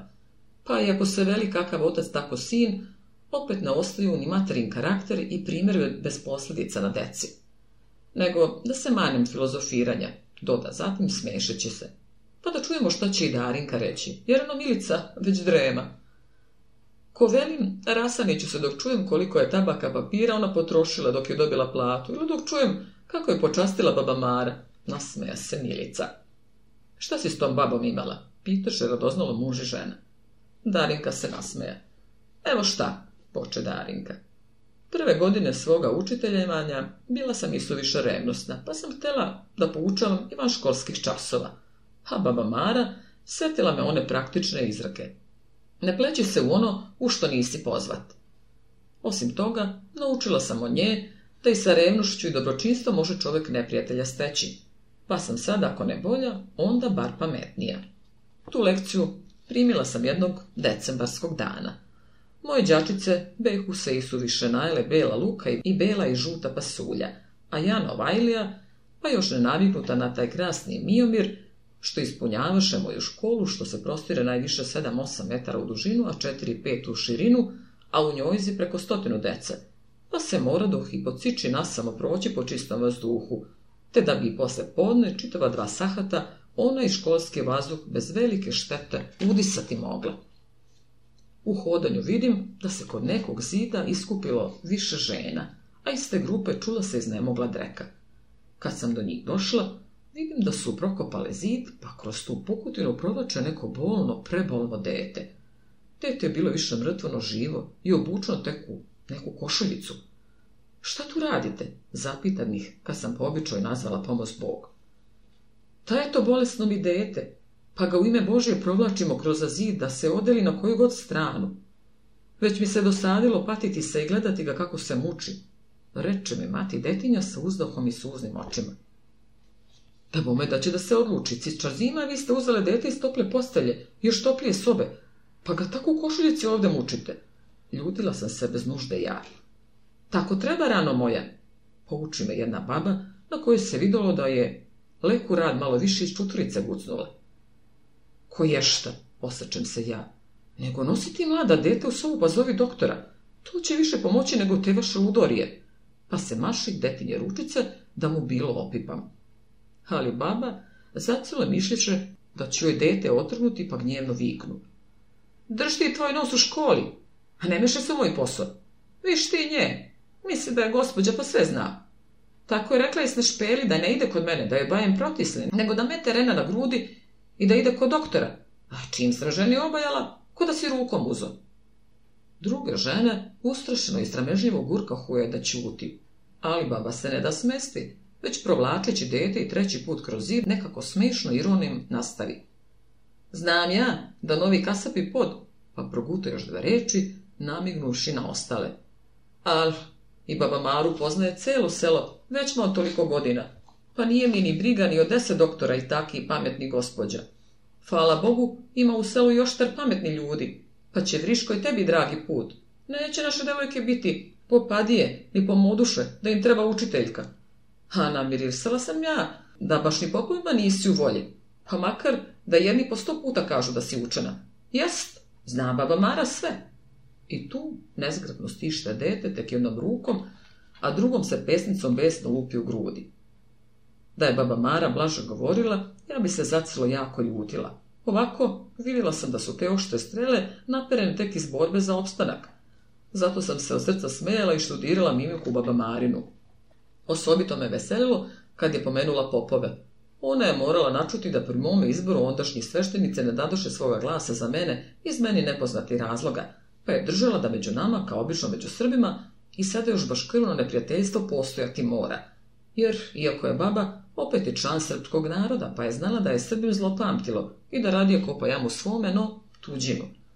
I zato je ona na tu strelu najviše važnosti polagala i baš te reči vrlo čudnovatim pokretima lice izgovorila. Ali kad vide da se i ta strela u mene nije očešala i da se tek smejem, začuđeno pogleda pa ljutito, ali više za sebe reče – Pravo kažu da, ali bolje da čutim. Ta se nikog ne boji. Varaš se, bako, rekoh ja, pa je oštro pogledam i metnem ruku na njeno rame. Nisam ja baš tako nebojša, bojim se ja Boga, već me nego ti. A babama je tvoje fele, neka je daleko od mene lepa kuća. Samo se seti, da imaš dušu, pa nemoj bar onda da, da treš krajnike kad si pijena i da baješ svaku bolest na jednu formu. Jer veruj mi, to ti ni Bog, ni ljudi oprostiti neće. S tim je ostavim i uđem u kuću kamo je mati bolesno dete već unela bila. Kad sam somnja vrata otvorila, lupi me vreo vazduh, baš koji skake parne kupke, a kad sam se po sobi osvrnula, zgrozila sam se. Osim kranje sirotinje, što je već iz očiju domaćičeni virila, beše ova soba najbolji sve do krajnjeg neznanja u pogledu čuvanja zdravlja od većega dela našega naroda na selu. Bolesno dete, Ležalo je sad na nekom traljavom krevecu blizu peći u svoju uspavanu sestricu, a bolovalo je po svima znacima sudeći od tifusa koji u mestu vladao. Oboje dece veše pokriveno najpre nekim toplim guberom, čilimom, a preko toga grdnom dunjom. Osim toga, bili su i prozori zasuti peskom skoro do polovine okna, a pod posteljama lepršale se dve kvočke s i još jedna, što će se kroz koji dan zacelo izleći. No, u sve to meni se činješe da bi vazduh mogao čistiji biti. Zato se još bolje osvrnem po sobi i zaista opazim za pečkom kacu s rakijom, a na peći ozgo bio je košar sa komlovom i nekoliko pari obojaka, što ih je domaćica bez sumnje jutro soprala, pa prostrla da se suše.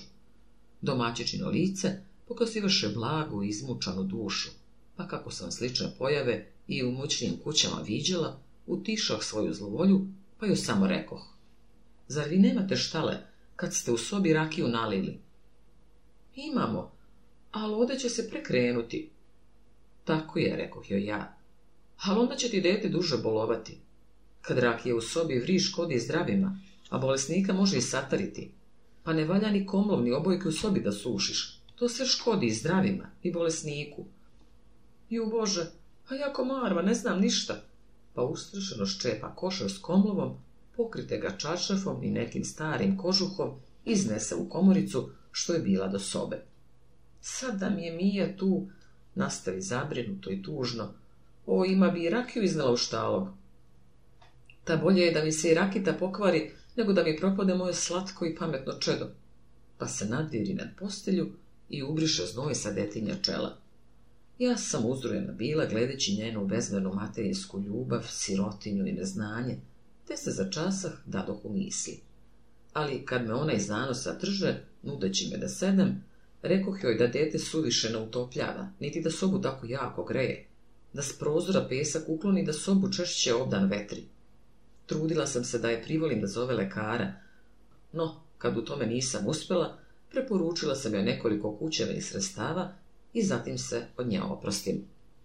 Putem sam mnogo o tome razmišljala, iako sam svoju pouku u zdravstvenom pogledu to doba tek na samu školu ograničila, opet študiram kućevni lekar od Sremca i druge tome potrebne knjige. Čitaš li ih i ti, Milice? To nam je ne samo nužnije od kućarstva, doda zatim više kao za sebe. Još ni to treba, nasmeja se Milica. Ne svidi mi se lekcija baba Marina, ne znam ko bi uz tolike neprilike i na to volje imao, umeše se Lenka. Onaj ko sudi sebi i od sebe, primeti Darinka oštrim glasom. Ti si dakle sa svojim okolnostima zadovoljna, pitaše radoznalo gospodin Kosta. To baš ne mogu reći. I ja patim sa nezgode što su je one već navele. Boli to i mene kao i njih, ali ja znam da se dolazi do celji i sporo hodeći. Osim toga reče, smešeći se, nisam nikad ni bila čedo sreće, pa nisam naučila da primam nagrade za svoja dela. Zato se i ne obazirem na mnenje svoje okoline, već radim tek po svome uverenju. Ako tako radi, mora biti bar sa sobom zadovoljen. Ja znam, nastavi po maloj počici, da je i kod nas srba put dugačak, vreme kratko, rad potreban i golem, a sile slabe, malene i rastrzane na hiljadu strana. I zato se i ne držim nastavna plana i propisanih pravila kao slepac vođe, nego iz svega vadim jezgro i što nam je najpreče. Ako je u boljim okolnostima ima kade, odvoljemo da gleda i na sjaj, lepotu i uzgradne sitnice. To bi sve dobro bilo da nije svetske kritike, reče Lenka. A šta će reći i pretpostavljena vlast kad se ne pređe sve što je propisano? Svet vazda uživa u klevetanju tuđih dela, pa se ne treba na njega osrtati, a pretpostavljena vlast mora taj postupak tek odobriti, jer zakon se stvara za ljude, a ne ljudi za zakon. Osim toga, i sama znadeš da svaku nastavu treba prilagoditi sposobnosti i okolnosti učeničkoj. I zato niko ti neće zameriti ako se koja pripovetka ili drugo što ne pređe. Posle ovoga za časak svi začutaše. Zar nemaš ništa više da kažeš? Pitaše po maloj počici gospodin Kosta. Kad sam već počela, nastavi Darinka zamišljeno, kazat ću vam iskreno baš sve svoje misli, iako vidim da se u mnogome ne slažemo. Govori samo, primeti Lenka milo je pogledavši. Ta eto i ja i Kosta nismo baš načeli prijatelji, pa opet smo muž i žena. Ma, ma što da rečem, valjda ćeš mi tek lična prijateljica ostati. Darinka je samo zagrli i smešeći se nastavi. Ne mogu sasvim da odobrim ni vaše tužakanje da vam silo učenje otima vreme za vaspitavanje, jer sami predmeti što se u narodnoj školi predaju po sebi već vaspitavaju, iako ne baš u onoj meri u kojoj je za seosku decu potrebno. Zato, ko je uveren da pomoguća dostojno vrši svoju dužnost, može biti sobom zadovoljan. Osim toga, svi znamo da od dva zla treba birati manje. Pa kad je tako, a uz to smo svi svojim uspohom i radom nezadovoljni, ne treba se vajkati, nego napustiti taj poziv, kao što si ti Lenka uradila, ili se vratiti onog pravca u nastavljanju koji će u tom nezgodnom stanju bar u nečemu koristiti. Ali kamo to pravca prekide u reči Milica? Nije dosta tek reći, nego i pokazati ga. I tu se prezrivo nasmeja. Nemoj se ljutiti, ja neću nikog da učim, nego tek kazujem svoje mišljenje, reče Darinka. A taj pravac čini mi se da treba prema potrebi svoje okoline svaki učitelj sam sebi da stvori. Ne treba da se ograničimo na ona pravila i uputstva što smo ih i u učiteljištu dobili, niti da se samo na uzore ugledamo, nego treba oštrim pogledom tražiti glavne prepreke, što nam na napretku smetaju, pa ih treba otkloniti, ma i onim sredstvima koje ljudi ne hvale i kojih se u boljim okolnostima ni sami ne bi prihvatili.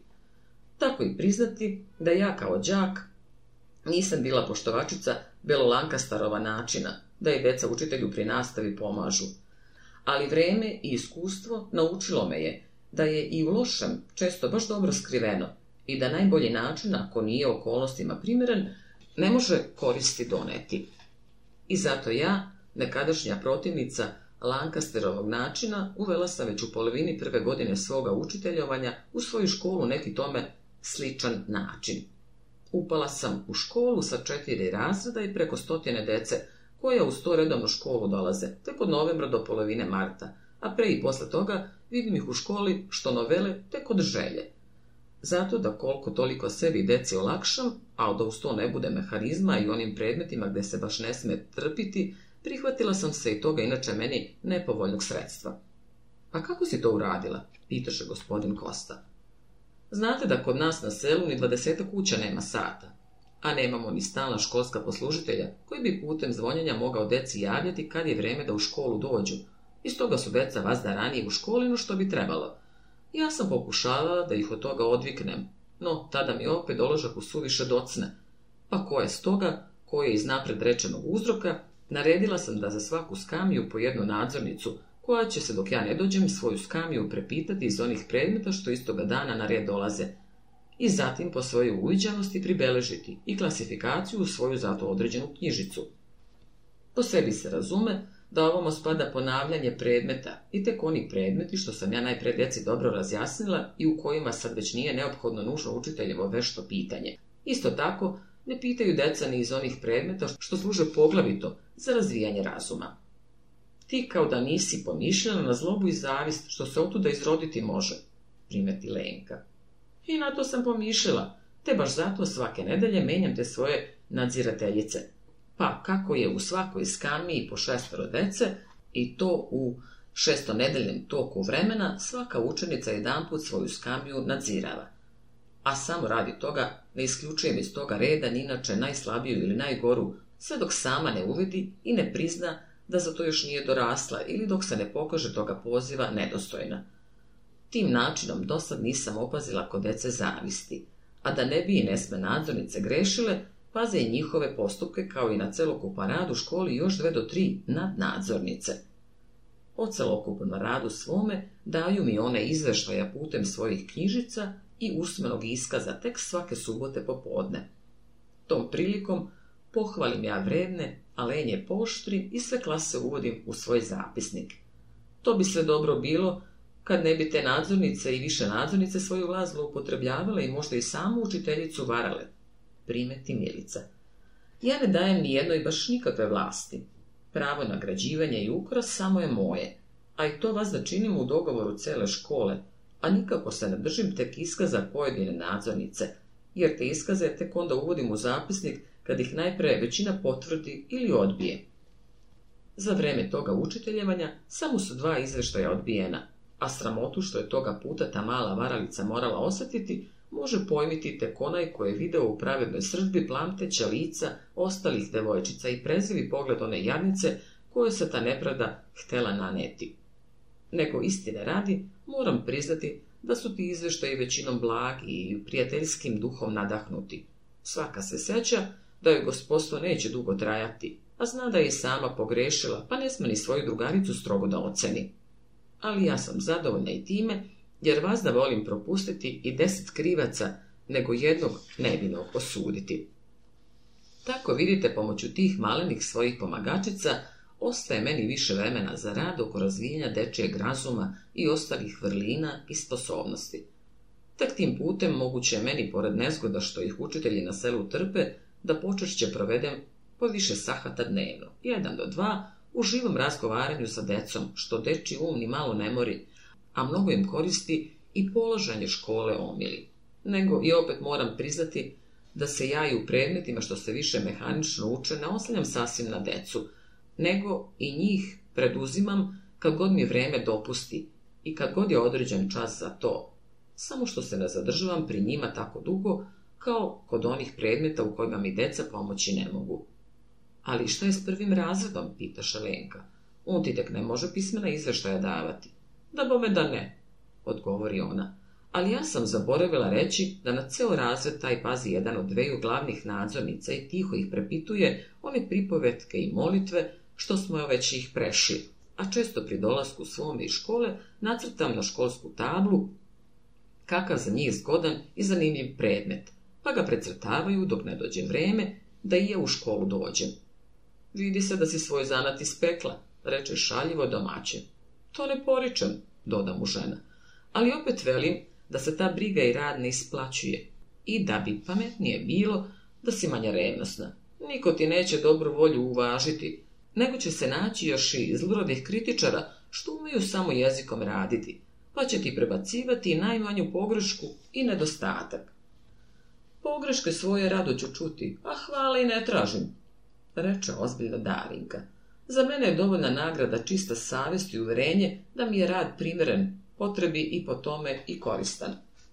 Kad te čovjek čuje, mogao bi pomisliti da si potpuno sretna, a samo priznaš da i tebe što što tišti, reče ironičkim osmejom Milica.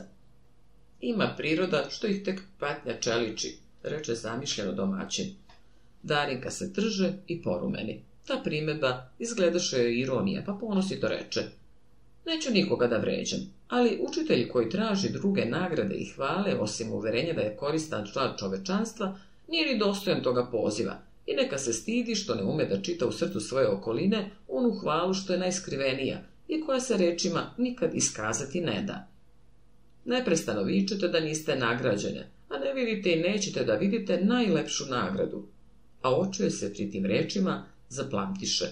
Ili za vas bar nimalo ne usrećuje kad vas na ulici zadrži čak četvorogodišnja devojčica i pita kad ćeš i mene u školu primiti?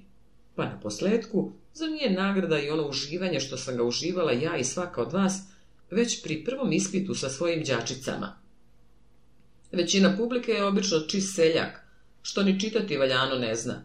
Oni nam da bome ne mogu naš rad oceniti šta više, Možda su nam dosad bili protivnici i svojim oštrim, iako glupim dosadkama, često i učili.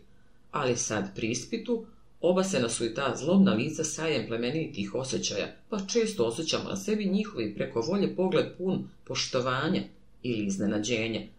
Taj pogled je za valjana učitelja nagrada za svu dosadašnju nepravdu, a suze što ih tom prilikom roni, poneka majka, deda ili mekog srca baba, moraju svakog baš za časak usrećiti i učiniti da sve uvrede zaboravi.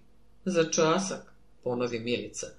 Dobro kažeš, jer da si ti već sutradan po tome oduševljenju samo deseticu povišice iskala, zacelo je ne bi ni dobila. Pravo veliš, nasmeja se Darinka, ali i tu ne treba biti suviše osjetljiv. Ima u tome osnovana uzroka. Svi znamo da je naš narod suviše siromašan i da se većina i glađu bori. I to je istina, primeti Lenka, ali opet mogao bi marljiviji biti i prema školi. I to moramo odobriti, završi Darinka i pogledaj pade na belešku što je gospodin Kosta već odavno na stranu ostavio. Zar nemaš ništa više da kažeš? Pitaše on, opaziv te Darinčin pogled. Gotova sam, reče. Ali ti si tvoj posao davno napustio. Moj govor nisi ni beležio. Sad nemaš celu pripovetku. Ti si mu obećala početak, reče šaljivo Lenka. A ja i on, valjda ćemo i ostalo nakriti. Samo pre toga moramo vidjeti i dočekati i svršetak, koji je uvek najlepši kad se veselo i se svatovi svršuje. Posle toga retaš još malo i na posledku odoše spavati. Sutridan odoše obe drugarice još zarana doma, iako je gospodin Kosta i Lenka iskreno i svojski zadržavahu. Za njima Lenka dugo mahala maramom, a i gospodin Kosti behu gošće omilile, jer je i on češće ponavljao zajedno sa ženom molbu da im opet skoro dođu i da im češće pišu. Ono su ovo posljednje rado obećale i svoje obećanje su tačno i vršile. Školske su ferije, i to na dve godine kasnije od onog razgovora naših poznanica o imendanu gospodina Koste. Darinka i Milica opet su kod Lenke. Došle su da provedu neki deo ferija i kod nje, jer kao što već znamo, gospodin Kosta i beše zavoleo kao i žena mu, te od njihove strane ne beše pozivima kraja. A osim toga, sad su već smatrali se kao srodnici, pa i mala smilja, pogodišnja čerkica gospodina Kosta i Lenke, trebala tetke da pozna. Već je tri nedelje otkad su kod njih, pa navališe da idu i svojim roditeljima. Ali Lenka i gospodin Kosta ne dago ni prosloviti, a njima se pridružio i ondašnji mladi lekar Sava Gavrilović, najprisniji prijatelj gospodina Kosta. Doktor Gavrilović je čovjek blizu, a možda i preko 30 godina. Valjana karaktera, a spoljašnjosti ne baš lepe, ali i opet ugledne. Osim toga, bio još ispre najbolji domaćinov prijatelj, pa i najotrovniji jezici ne mogu njegove česte posete dvosmisleno tumačiti. A što je on slučajno neoženjen, a naše poznanice neudate, to je svetu sasvim obična pojava, te i našim poznanicama ne beše to neobično. U samoj stvari da bome da je drug čije stojalo. No, to je tajna gospodina Kosta, njegove žene i mladoga doktora, koji se beše smislio ženiti, a Darinku i Milicu poznavao je još od onog imendana. I zato se i nas ništa ne tiče. Jednoga jutra vrlo rano dođe doktor Gavrilović svome prijatelju Kosti, kog zastade u vrtu kod košnica. Ženu sam ti opazio da u štali muze kravu, reče mu rukujući se. A gošće ti zacelo još spavaju. Da, tek je četiri sata, reče gospodin Kosta. Nego, kaži ti meni, momče, što još oklevaš? Meni se to odlaganje ne svidi. One će sutra, preko sutra već doma, a pismeno sve teže ide. Zato reši se, ma na koju stranu? Ta pa zato sam i došao. Gledaj da bude prilika da devojci mogu kazati i odgovor čuti. A za koju si se rešio? Pitaše vrlo radoznal gospodin Kosta. Pravo da ti kažem, izbor mi je vrlo težak, reče zbunjeno doktor. Obe visoko cenim, ali opet pretpostavljam Milicu. Milicu! Viknu gospodin Kosta, a lice mu uze izraz ko da mu je prijatelj tvrdio da se sunca na zapadu rodilo. Ne, samo, to nije moguće. Da, ti se moraš šališ. Darinka je tak žena za tebe. Ja ti kažem kako mi je ovo dana na srcu, reče doktor ne dižući očiju. He, onda se i sam varaš. Posmatraj, ti ispituješ danas ozbiljno i onda rešavaj. Ta ja ih obe volim ko sestre, ali i takvom prijatelju kao što si mi ti, tek Darinku želim za ženu. Ona je mnogo pretežnija, iako je Milica vrlo valjana. Doktor samo ćuteše i šaraše svojim štapom po travi. Neću, brate, da te učim, reče dalje gospodin Kosta ali dobro pazi. Darinka je čisto zlato, iako možda ne sija kao milica. Pa i tu, doda oduševljeno, zagledaj bolje. Pa ćeš naći da i Darinčine iskrene i blage oči ne ustupaju Miličinom plamenom pogledu. Dok Miličin pogled možda pali, Darinčine oči kazuju ti da su stvorene da trpe, teše i rane leče. A to je, brate, svojstvo što stvara najsretnije brakove. To nemoj tako vatreno, nasmeja se doktor. Ako te čuje Lenka, i ona deli moje mišljenje, iako je priroda srodnija sa Miličinom. Doktor se na to veše ozbiljno zamislio, a gospodin Kosta priđe svojim košnicama te kroz stakla gledaše unutra, iako se na njemu jasno vidjelo da su mu misli daleko od čela i košnica. Doći ću posle podne i onda ću vidjeti imaš li pravo, prekide doktor tišinu svojim zvučnim i krupnim glasom. Lako je moguće da sam se i prevario. Obe jednako poštujem, samo što me Milica na prvi pogled ulivaše simpatije, a Darinka mislila da da suviše mnogo misli, a da može koga iskreno voleti. Mnogo misli, viknu gospodin Kosta, ta čoveče, zar ti je Milija lutka i leptir od blage i razborite ženskinje? O ne, ali ti znaš da ja nikad nisam volio hladno i ponosito a Kosta se trže te prekide doktora pre nego što je dovršio. Učinilo mu se da je u obližnjoj senci neko uzdahnuo, i da je zatim trava jače zašuštala, baš ko je neko na drugu stranu vrta hitro i lako protrčao. Pričinilo rodi se, reče doktor, ja nisam ništa čuo. Čuo sam. Valjda je bilo u susjednom vrtu, reče gospodin Kosta, pa se spusti na obružnu klupu, a doktor se posadio do njega i za časak oboje ćutahu. Ja te, brate, neću odvraćati od te namere, reče se Kosta, jer i Milica je valjana devojka, ali opet ti moram reći da se u varaš. Ti si najbujnije doba tvoga života proveo u tuđini i među nemčadijom, a karakter srpkinje i tuđinke vrlo različit. Tuđinka brata i kad te ljubi i ne ljubi, sreta te ljubavni izazivajući pogledi, kojima smera da te zadobije ili izigra. Drugčije, brate, kod srpkinje. Ona baš i onda, kad bi dušu za tebe dala, opet se neće prva približiti. Šta više, Često će ti se učiniti da je ona hladna, durljiva i neobrazovana prema predusetljivim tuđinkama. Ali ona voli da i tu o njoj pomisliš, no da možda posumnješ da hoće da te zadobije. To je, dragi moj Savo, po mome svačenju ženski ponos i karakterna crta srpkinje, koja još karakteriše baš u najvećoj meri one ženskinje što najživlje i najdublje osjećaju. Doktor se sad samo igrao lančićem svoga zlatnog sahata i zamišljeno gledaše u daljinu a drug mu nastavi. Što sam ti rekao, znadeš i iz iskustva. I meni je Lenka izgledala hladna i gorda, i to baš onda kad me je možda najžešće volela. A Darinka, brate, ponositija je i od nje. Ti dakle nisi za Milicu? Ta već sam ti kazao da je ona valjana devojka, iako je po mome mišljenju mnogo hladnije i sebičnije od Darinke. Reče gospodin Kosta skoro zlovoljno. Osim toga, nju svet po zasluzi ocenjuje pa ju je lako čeretati, a Darinci da bome da nije do toga. Sam veliš da mnogo misli. Ako premišlja, mora na posledku i uvideti i svoju vrednost i opačinu i plitkoću nekih. Ali posljednju reč proguta i naglo usade, priđe opet svojim košnicama, a lice mu se beše zaplantilo. Ča ti se more baš ljudiš, reče mu doktor začuđeno mereći ga. Još se nisa s Milicom venčao. I tu se zasmeja. Gospodin Kosta se trže. Pio je od one vrste ljudi što namah planu i za one stvari koje ga se ne tiču. No, uz sve to beše opet razborit čovjek i krajnja dobričina. Zato ga sad sme i prijatelja odmah seti da nema prava srditi se. Te opet sede na staro mesto i kao izvinjavajući se reče.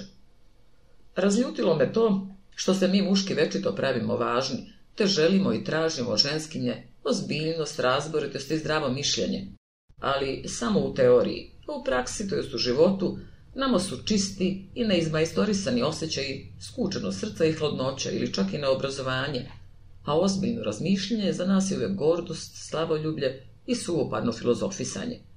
I onda još imamo obraza vikati protiv mode, koketerije i izmajstorisane naivnosti ženskinje. Jer kako ona može biti drugčije kad jasno vidi da većina nas traži tek novac, spoljašnju lepotu i uglađeno ponašanje?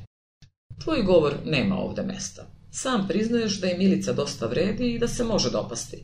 Ko govori protiv nje? Osače se gospodin Kosta. Mene samo ljuti što moram da priznam ono što nisam još uče hteo odobriti Darinci i svojoj ženi, a što sad i nehotice moram i ja da odobrim tu prokletu emancipaciju ženskinje.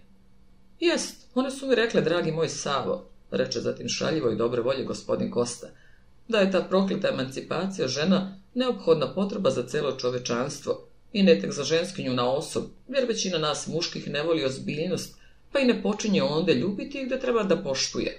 I stoga, kaže, većina žena postaje lutkom ili koketom, pa kvari celo čovečanstvo. Manjinu opet vele one, ako neće da je prava lutka svet obično nepravedno ocenjuje i smejava i prezire, dok sirotice i one nepodlegnute postanu kao i one prve ili omraze i sebe i svijet, pa postaju za nas muške neka strašila i neprirodna čudovišta koje bi se i s vragom družila samo da može rušiti ono što je nju ubilo. To su, vidiš, reči u koje nisam teo verovati i koje sad odobravam, jer kad i moj Sava već neće ženu što misli, a svaka bolja misliti mora, kakav tek mora biti ukus u manje inteligentnih ljudi. Promislit ću se, reče na to doktor. Samo napred da kažem da se ne nadam nikakvom uspehu kod Arinke. Sve mi se čini da će me odbiti. Po čemu sudiš? Samo jedanput pogledao sam joj malo vatrenije u te, kao što ti veliš, iskrene oči, ali se zgrozih od ponosite hladnoće što u taj mah iz njih sunu. Od to doba večito izbjegava moj pogled. Tek neki dan dobio sam kuraže da je kao krivac moleći pogledam, no i tu je samo porumenila i više ništa. Pa kako me Milica i u sve te vatrene poglede moje još nije tako dočekala, zaključujem da me i voli. Darinku su možda tek neprilike i dvoličnost u životu pratile, pa joj to na povorenje nije zameriti, primeti gospodin Kosta. Ali ako je samo to, onda, brate, pokušaj. Jer veruj, nju je tek svetska nepreda, što je u životu sretala navukla tu odvratnu i hladnu masku na lice. A srce joj je vrelo, i čisto kao zlato. Obričem ti da će joj usrećiti samo ako me ne odbije, reče doktor nekakvim metkim glasom i pruži ruku svome prijatelju, koji ovaj radosno primi i svojski prodrma. Još dok se gospodin Kosta i doktor u vrtu razgovarahu, uđe Darinka s bunjenim licem Lenci u sobu. Kuda si se ti to opremila? Pitaše ona baciši pogled na Darinčino putničko odelo i šešir, što ga je na glavu metnula. Zaboravila sam ti reći da me je sinoć molila tvoja poznanica, gospođica Draginja, da s njom idem njezinoj tetki u selo. Ja sam dala reč, a mislim da je tebi pravo. Poći ćemo odmah sad, pa ćemo se još i zarana vratiti. Ne branim, ali do koji dan već odlazite, pa bih voljela da nas danas ne ostavljaš, reče Lenka molećim pogledom. I meni je žao, vrlo mi je žao, ali mora da bude. Pa strasno zagrli drugaricu i odi u iz sobe. Čekaj bar doručak, sad će i Kosta doći. Vikala je za njom Lenka. Doručkovat ću tamo. Čulo se već iz dvorišta. A Lenci se učini da je Darinčin glas čudo drhtao. Ali u isti mah, beše se razbudila čerkica te tepoše. Mama, mama. I to ne dade da dalje razmišlja. U tom dođe i gospodin Kosta. Je ustala Darinka? Beše mu prvo pitanje. Već je otišao s dragom u selo teta u goste. Vratit će se tek doveče. Ho, eto mu. Ljutio se on. Ta devojka baš bega od sreće. Ali ti si kriva, trebala si mi javiti. Ta čisto je odletela iz sobe, branila se ona. A na posledku niti joj ne bi mogao zabraniti. Zabraniti? Ali ja bih je zadržao, gunđao je on. Ali ti da bome nisi ni pokušavala. Dosta ti je kad je samo ono preklapalo milica uz tebe. Lenka ga čudno i neverujući pogleda, pa prsnu smeji. Čudno mu je zlavolja i kisa u lice dolikovala. Lako ti je ceriti se kad zajedno s tvojom milicom imadeš više sreće nego pamet, reče ljutito pa obuče kaput, pa i on bez doručka i prvi put bez oproštaja sa ženom pođe u opštinu. Kuda se ti kosto žuriš? Pitaše ga Milica koja se u isti mah, vesela i dobre volje ukaza na vrati svoje sobe. Na posao reče on tonom kojim se s gostima ne razgovara. To još je rano, reče ona, ne primetivši to. Ti se do duše nikad ne žuriš, niti se brineš za što, pa opet druge prestižeš. Reče ironično jetko on i iziđe iz kuće. Tvoj muž je danas zlovoljan, primeti ona za vreme doručka. Ljuti se što je Darinka otišla, a njemu to nije kazala. Do duše nije lepo domaćinu se najaviti, ali gosima se šta mora i kroz prste pogledati. Smeješ se ona, pazeći mnogo na svoje reči, jer su isti mah doktor Garilović ukaza na vrati. su sam opazio gde ode u opštinu, reče on kad ih je pozdravio. Ali kamo gospođice Darinke? Danas Lenčice, kao da niko nije zadovoljan s našim društvom, primeti vragolasto Milica, a iz plamenih joj očiju sunu, možda i u šali, prekoran i mnogoznačeći pogled na doktora. Ali to ne ide, danas se baš morate s našim društvom zadovoljiti i tu ga opet vragolasto pogleda. Kako to? pitaše zbunjeno on. Ta eto i Kosta ode od kuće ljutit što je Darinka jutro strano otišla bez njegova znanja s gospodjicom Dragom u sela.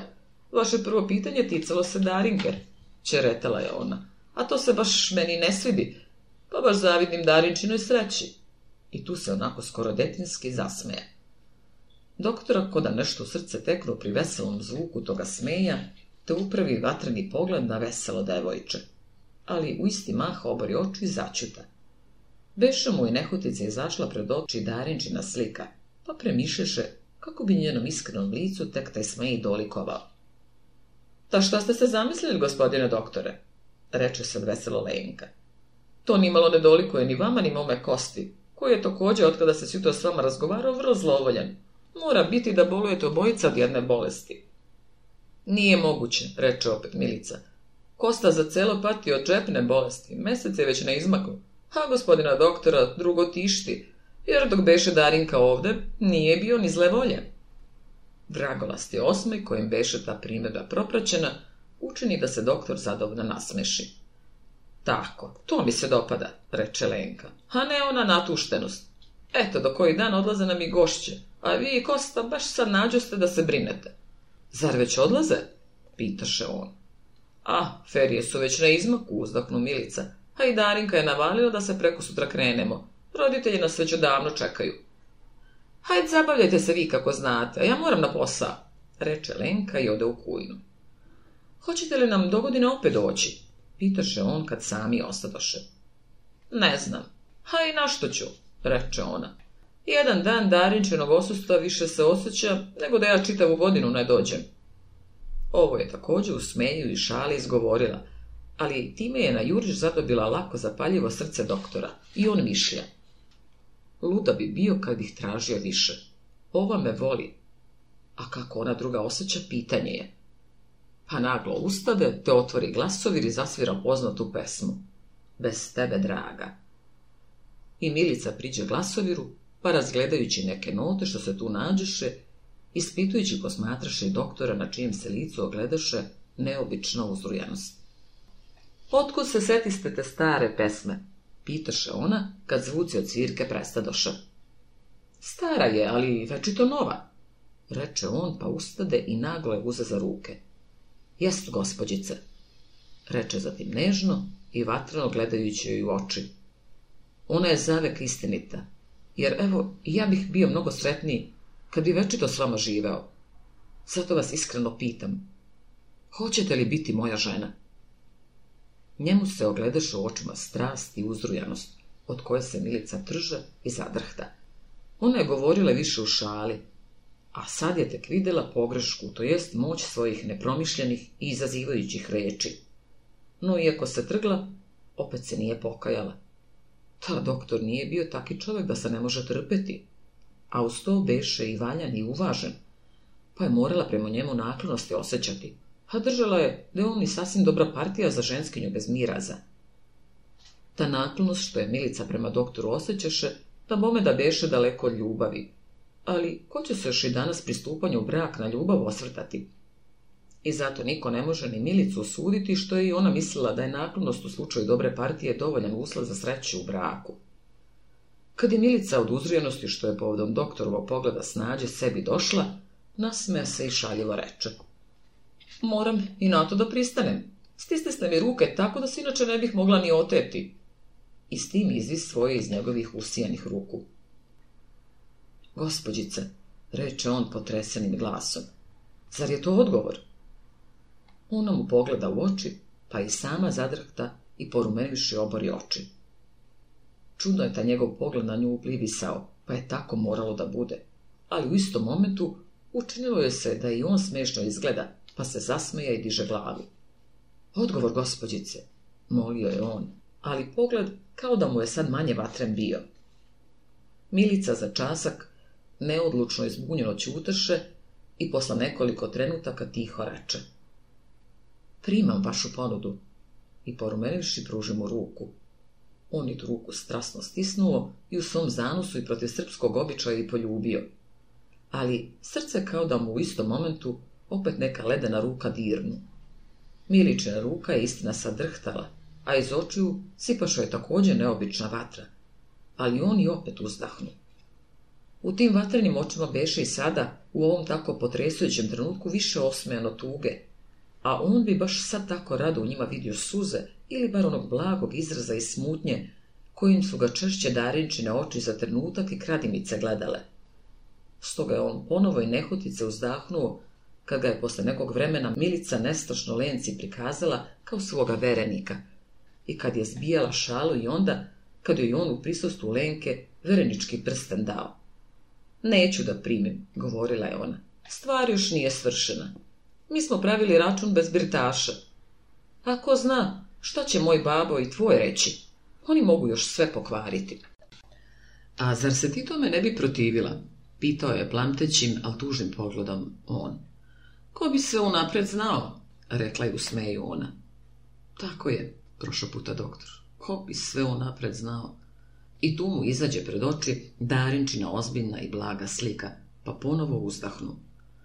Milica je taj uzdah primetila, te se manu šale.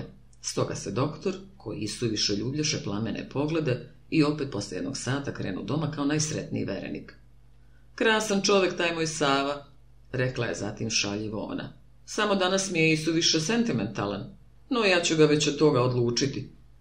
Lenka je ispitujući pogleda. Reci mi, Milice, iskreno, reče zatim. Voliš li ti njega zdravo? Smiličina lica nestade onog nestašnog izraza, a oči joj uzeše za časak neki blag izraz, da zagrliš drugaricu reče. Vidim da sumnjaš o mojoj ljubavi prema njemu, no ja ti kažem da ću mu svakda verna biti, jer vidim da me voli. Pa iako se sad i sama dobro ne razumem, opet vidim da mi je mio i da ga poštujem, a ljubav držim da će doći i sama, to jest, ako nije ljubav, ono stanje što sam ga osjećala kad mi je rekao da me voli, a ako je to, Onda je već i nastupila. I tim sede za glasovir, pa stade svirati neku veselu pesmu. Sretna priroda, prošla puta Lenka, pa opet ode u kujnu jer je bila nedelja, pa je trebalo malo više posla oko ručka položiti. Za ručkom nije gospodin Kosta ni valjane dve reči prozborio, a kad mu Milica čeretajući reče da joj sad nije potrebna njegova pomoć u pogledu udodbe, jer je već verenica gospodina doktora, Naglo se trgao i mesto čestitke samo reče. Znao sam da ćeš ga uloviti. Kad je ona luda, baš danas našla da ode. Lep kompliment za Darinku, smejala se ona, držeći da se domaćin tek šali. On opet da prikrije svoj jed, ustade od stola, te gledaše kroz prozor na ulicu. Šta si se danas tako dugo zadržao? Pitaše ga opet ona. Trebao sam ranije doći da vidim kako se prenemažeš i kako si se nakinđurila i 50 mašlja na sebe natrpala. Reče on glasom, koji je za šalu suviše ozbiljan bio, no tu se drži i zasmeja. Pogled mu je pao na njeno odelo, te je video da je na njoj prosta haljina, a uz to baš ni jedne pantljičice.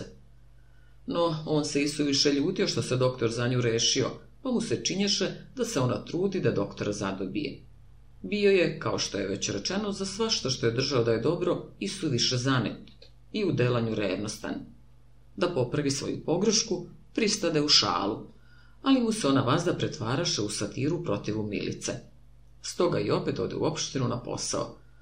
Kad je opet došao, nađe tu i doktora koji mu odmah prikaže svoju verenicu, Milicu. On im je iskreno poželeo sreće, ali kad se setio Darinke i svoje namere, uzdahnu, pa bajagi u šali i opet reče. E tako je, medved uvek dobije najlepšu krušku. Ukus je različit, primeti mu samo doktor, ali se za nekoliko trenutaka i opet zamisli, a Milica veselo primeti. Moj verenik ne zaslužuje taj naziv. Na ove reči Kosta se od srca zasmeja, a doktor se trže i milo pogleda svoju verenicu u kojoj je toliko prostodušnosti i vesele bezazlenosti kad se doktor od svog druga praštao, reče mu ovaj. I s nama možeš biti sretan u dobrim okolnostima. Ah, zadesili te kakva nezgoda, seti se da je uz tebe dete koje te ne može razumeti kad više što osim ljubavi on je želio budeš. Kako to? Eto tako, reče Kosna. Ona je dobra srca, a i obrazovana je, ali je žena koja ume ljubiti tek one koji nju ljube i više ništa i tom presudom ocenjena je Miličina priroda i svi u njoj podobnih ženskinja. Docne uveče toga dana došla je tek Darinka. Kosta beše svojoj ženi kazao svoj jutrošnji plan, te sad behu oboje ljutiti i spremni da Darinci poštenu lekciju očitaju. Ali kad je u sobu stupila, učinim se da je isuviše bleda i tužna, da zaboraviše svoju nameru. Nešto si bleda, da ti nije zlo, pitaše brižno Lenka metnuši pred nju hladno pečenje i testo što im je ostalo od večere. Nije, nasmeja se Darinka. Sad ćeš vidjeti da mi je želudac sasvim zdrav. I smesti se za sto. No, u svu njenu hvalu izgledaše kao da joj zaloga i u grlu zastaju, te nabrzo ostavi jela. Kostaje se sa učešćem pogleda i opet ne mogoše srcu doleti, već primeti. Zar se tvoj put morao baš danas desiti? Njime si mnogo izgubila. Kad se tvoj manevar ne bi mene ticao, reče bolim i ona, i ja bih tako sudila. Ali ja sam isuviše ponosita da se kome namećem, a i srce bi mi moralo biti isuviše skučeno, kad bi se umjesto ljubavi zadovoljila u braku sa jadnom naklonošću ili čak sa žaljenjem. I tu se glasno zasmeja, a oči joj se zaplamtiše neobičnom vatrom. Ne, Kosta, to nije za moju prirodu. Ja drugčije svaćam te stvari. Brak kod mene nije trgovina, iako sam hladna i neosetljiva ženskinja. Ti si dakle bila jutros u Senici, Pitaš zbunjeno on. Sasvim slučajno. Tamo sam čitala, a vi niste baš šaputali, pa sam morala čuti. Sad mi je jasno, primeti Lenka. Ti si dragu pozvala u selo, a ne ona tebe. Tako je. Uzela sam kola i rekla joj da moram nešto važno doma telegrafisati, pa je pozvala sa mnom njenoj teci. Na što to? pitaše gospodin Kosta. Morala sam, ma kuda odavde. Nisam htjela gospodinu doktoru da služim za psihološku studiju, primeti ona gorko. To bi njega dovelo u nepriliku da razmišlja, a tada bi možda stekao prema meni i simpatije. Pa mogla si ga prosto odbiti, a ne begati, reče Lenka. Odbiti, da bome, reče uzrujanim glasom, ali, pa, porumenivši učuta. Kaži sve, reče Kosta. Inače, ni ja ne vidim uzroka za... Ali on je ne dovrši, a Darinka brisnu u plač, pa naglo pođe u svoju sobu, u kojoj je Milica već davno spavala. Na pragu sobnjem, okrta im se opet, pa iskrenim, ali jedva čudnim glasom prošopu. Laku noć. Sada ne mogu. Sutra ćete sve čuti. Večita zagonetko. uznahu Lenka, a gospodin Kosta zamišljeno i naglo šetaše po sobi. Sutra dan nađe Darinka Lenku i Kostu u vrtu u poslu. Čim je opaziše, pođešo joj na sret. Nastavite posao, viknu im ona, pa se zasmeja. Bože moj, čudan ti je čovek, svega nešto kop kada tuđu tajnu dozna. A ako ga se i ne tiče. Ne tiče, viknu isti mah muž i žena, a preko nije pogledi sretoše. Oprostite, mislila sam tek uopšteno, a o vašem prijateljstvu dosta sam uverena. Osim toga, juče sam vidjela da me Kosta prilično i poznaje i zato i neću od vas ništa tajiti. Kosta se spusti na obližnju klupu, a one sedaše do njega. Korete moj postupak, poče ona, i ne razumete me. E pa čujte. Doktor Gavrilović je prvi muški, čiju sam simpatiju željela steći. A baš on me juče taksirao ladnim stvorenjem i otvorno izrekao da mu simpatiju ne ulivam. Druga bi možda baš sad trudila se da mu pokažu da se vara. Ali ja sam baš protivno od one za koju me svet smatra. I zato je, vidite, to povredilo moj ženski ponos, pa sam morala činiti ono što sam i učinila. Bože moj, zar je to baš tako neoprostiv greh bio? Primeti Lenka. Trebala si ostati pa bi vidjela da bi se on za tebe rešio. Darinčine se oči opet zaplamtiše uzreno i prekidajući viknu. Tako, Dakle, ja treba celog veka da druge izvinjujem i da se borim za ono što drugima i samo dolazi. Ne, Lenka. Za opšte dobro tražit ću i milostinju, ali za sebe nikad. Zato sam isuviše ponosita. Osim toga, nastavi, ovdje sam imala i drugih razloga.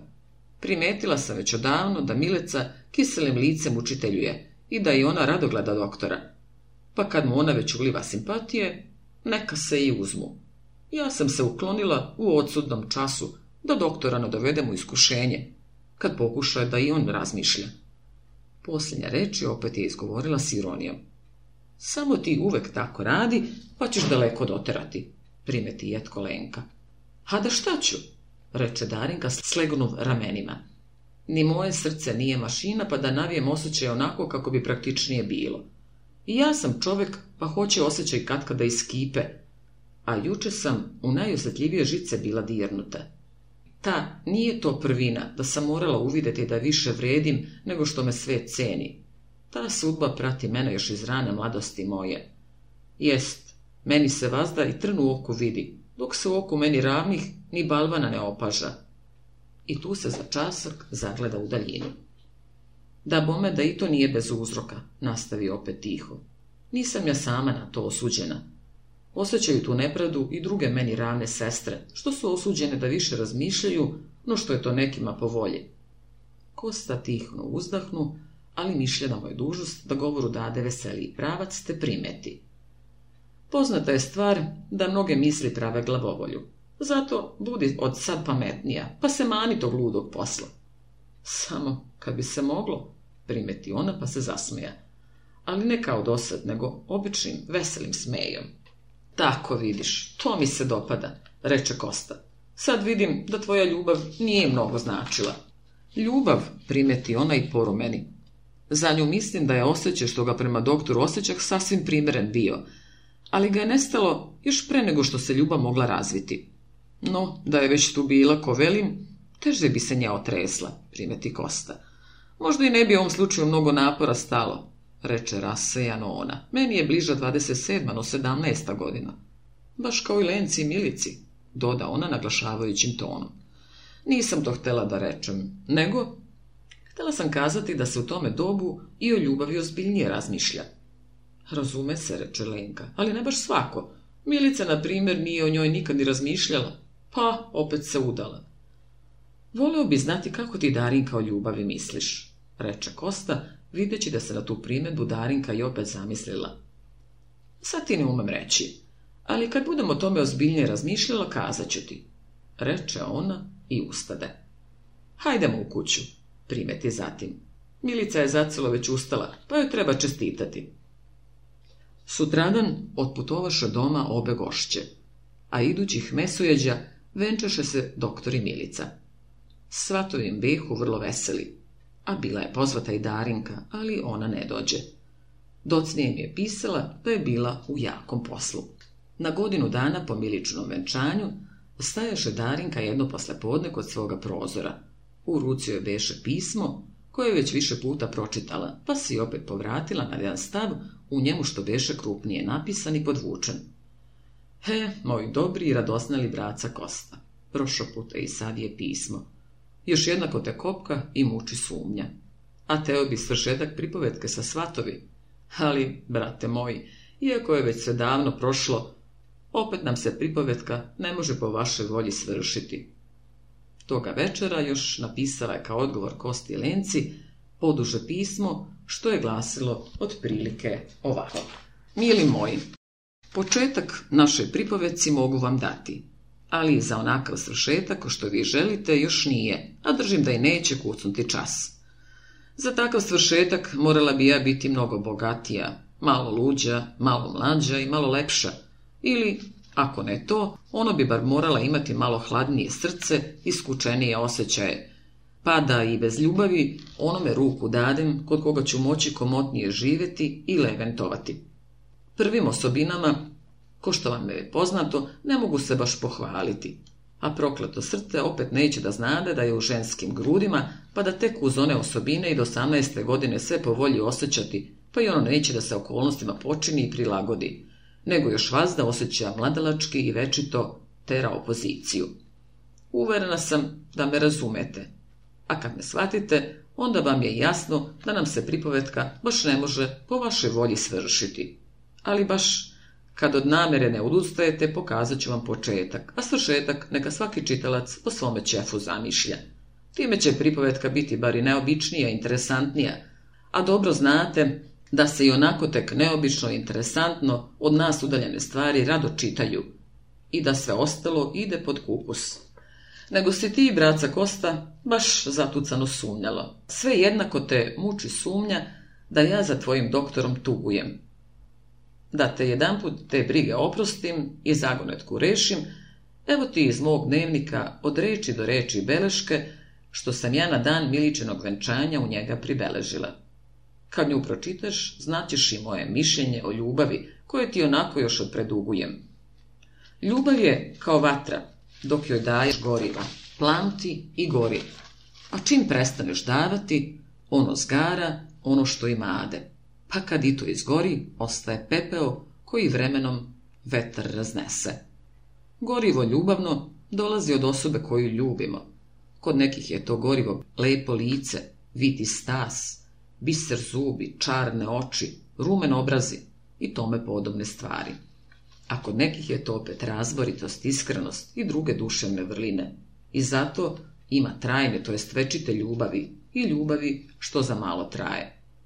Trajna je ljubav ona što je gorivo dušena vrlina, a prolazna je ona što potiče iz poštovanja bela lica i divnih trepavica. Milice, teško je tebi ako ti oči nešto bolu ili se tvome mužu večito retanje dosadi. Nestane li pola goriva u ljubljenih osoba, to nam ga ne mogu više ni pružiti i onda i naša ljubav mora da prestane. Pa ako nam je ljubav čista i jaka, ona zgara ono što je primila dok i posljednju iskricu ne pretvori u pepeo, u uspomenu.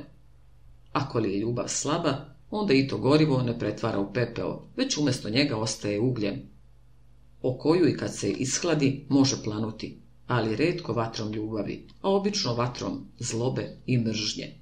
To je, vidiš, moje mišljenje o ljubavi. Pa kad ti još dodadem da je za mene ljubavno gorivo uz ostale duševne vrline na prvom mestu i razboritost, onda možeš biti uveren da su doktoreve reči, što se niko tebe u vrtu čula, najbolji dokaz da u njemu nema mnogo dovoljno onog goriva koje ja tražim i koje bi moju ljubav sve do sad održalo. Osim toga, onaj osjećaj i ne beše ljubav, nego tek početak poštovanja, koje, iako je blizu ljubavi, opet nije jedno te isto. Od poštovanja do ljubavi kaže se da treba tek jedan korak, ali meni se čini braca Kosta da baš taj korak mora da je džinovski. Jer pogled po svemu kazuje mi da ljudi redko iz istinskog poštovanja u brak stupaju, a za brak je tek potrebna sušta ljubav. Nemojte se srditi što ovako govorim.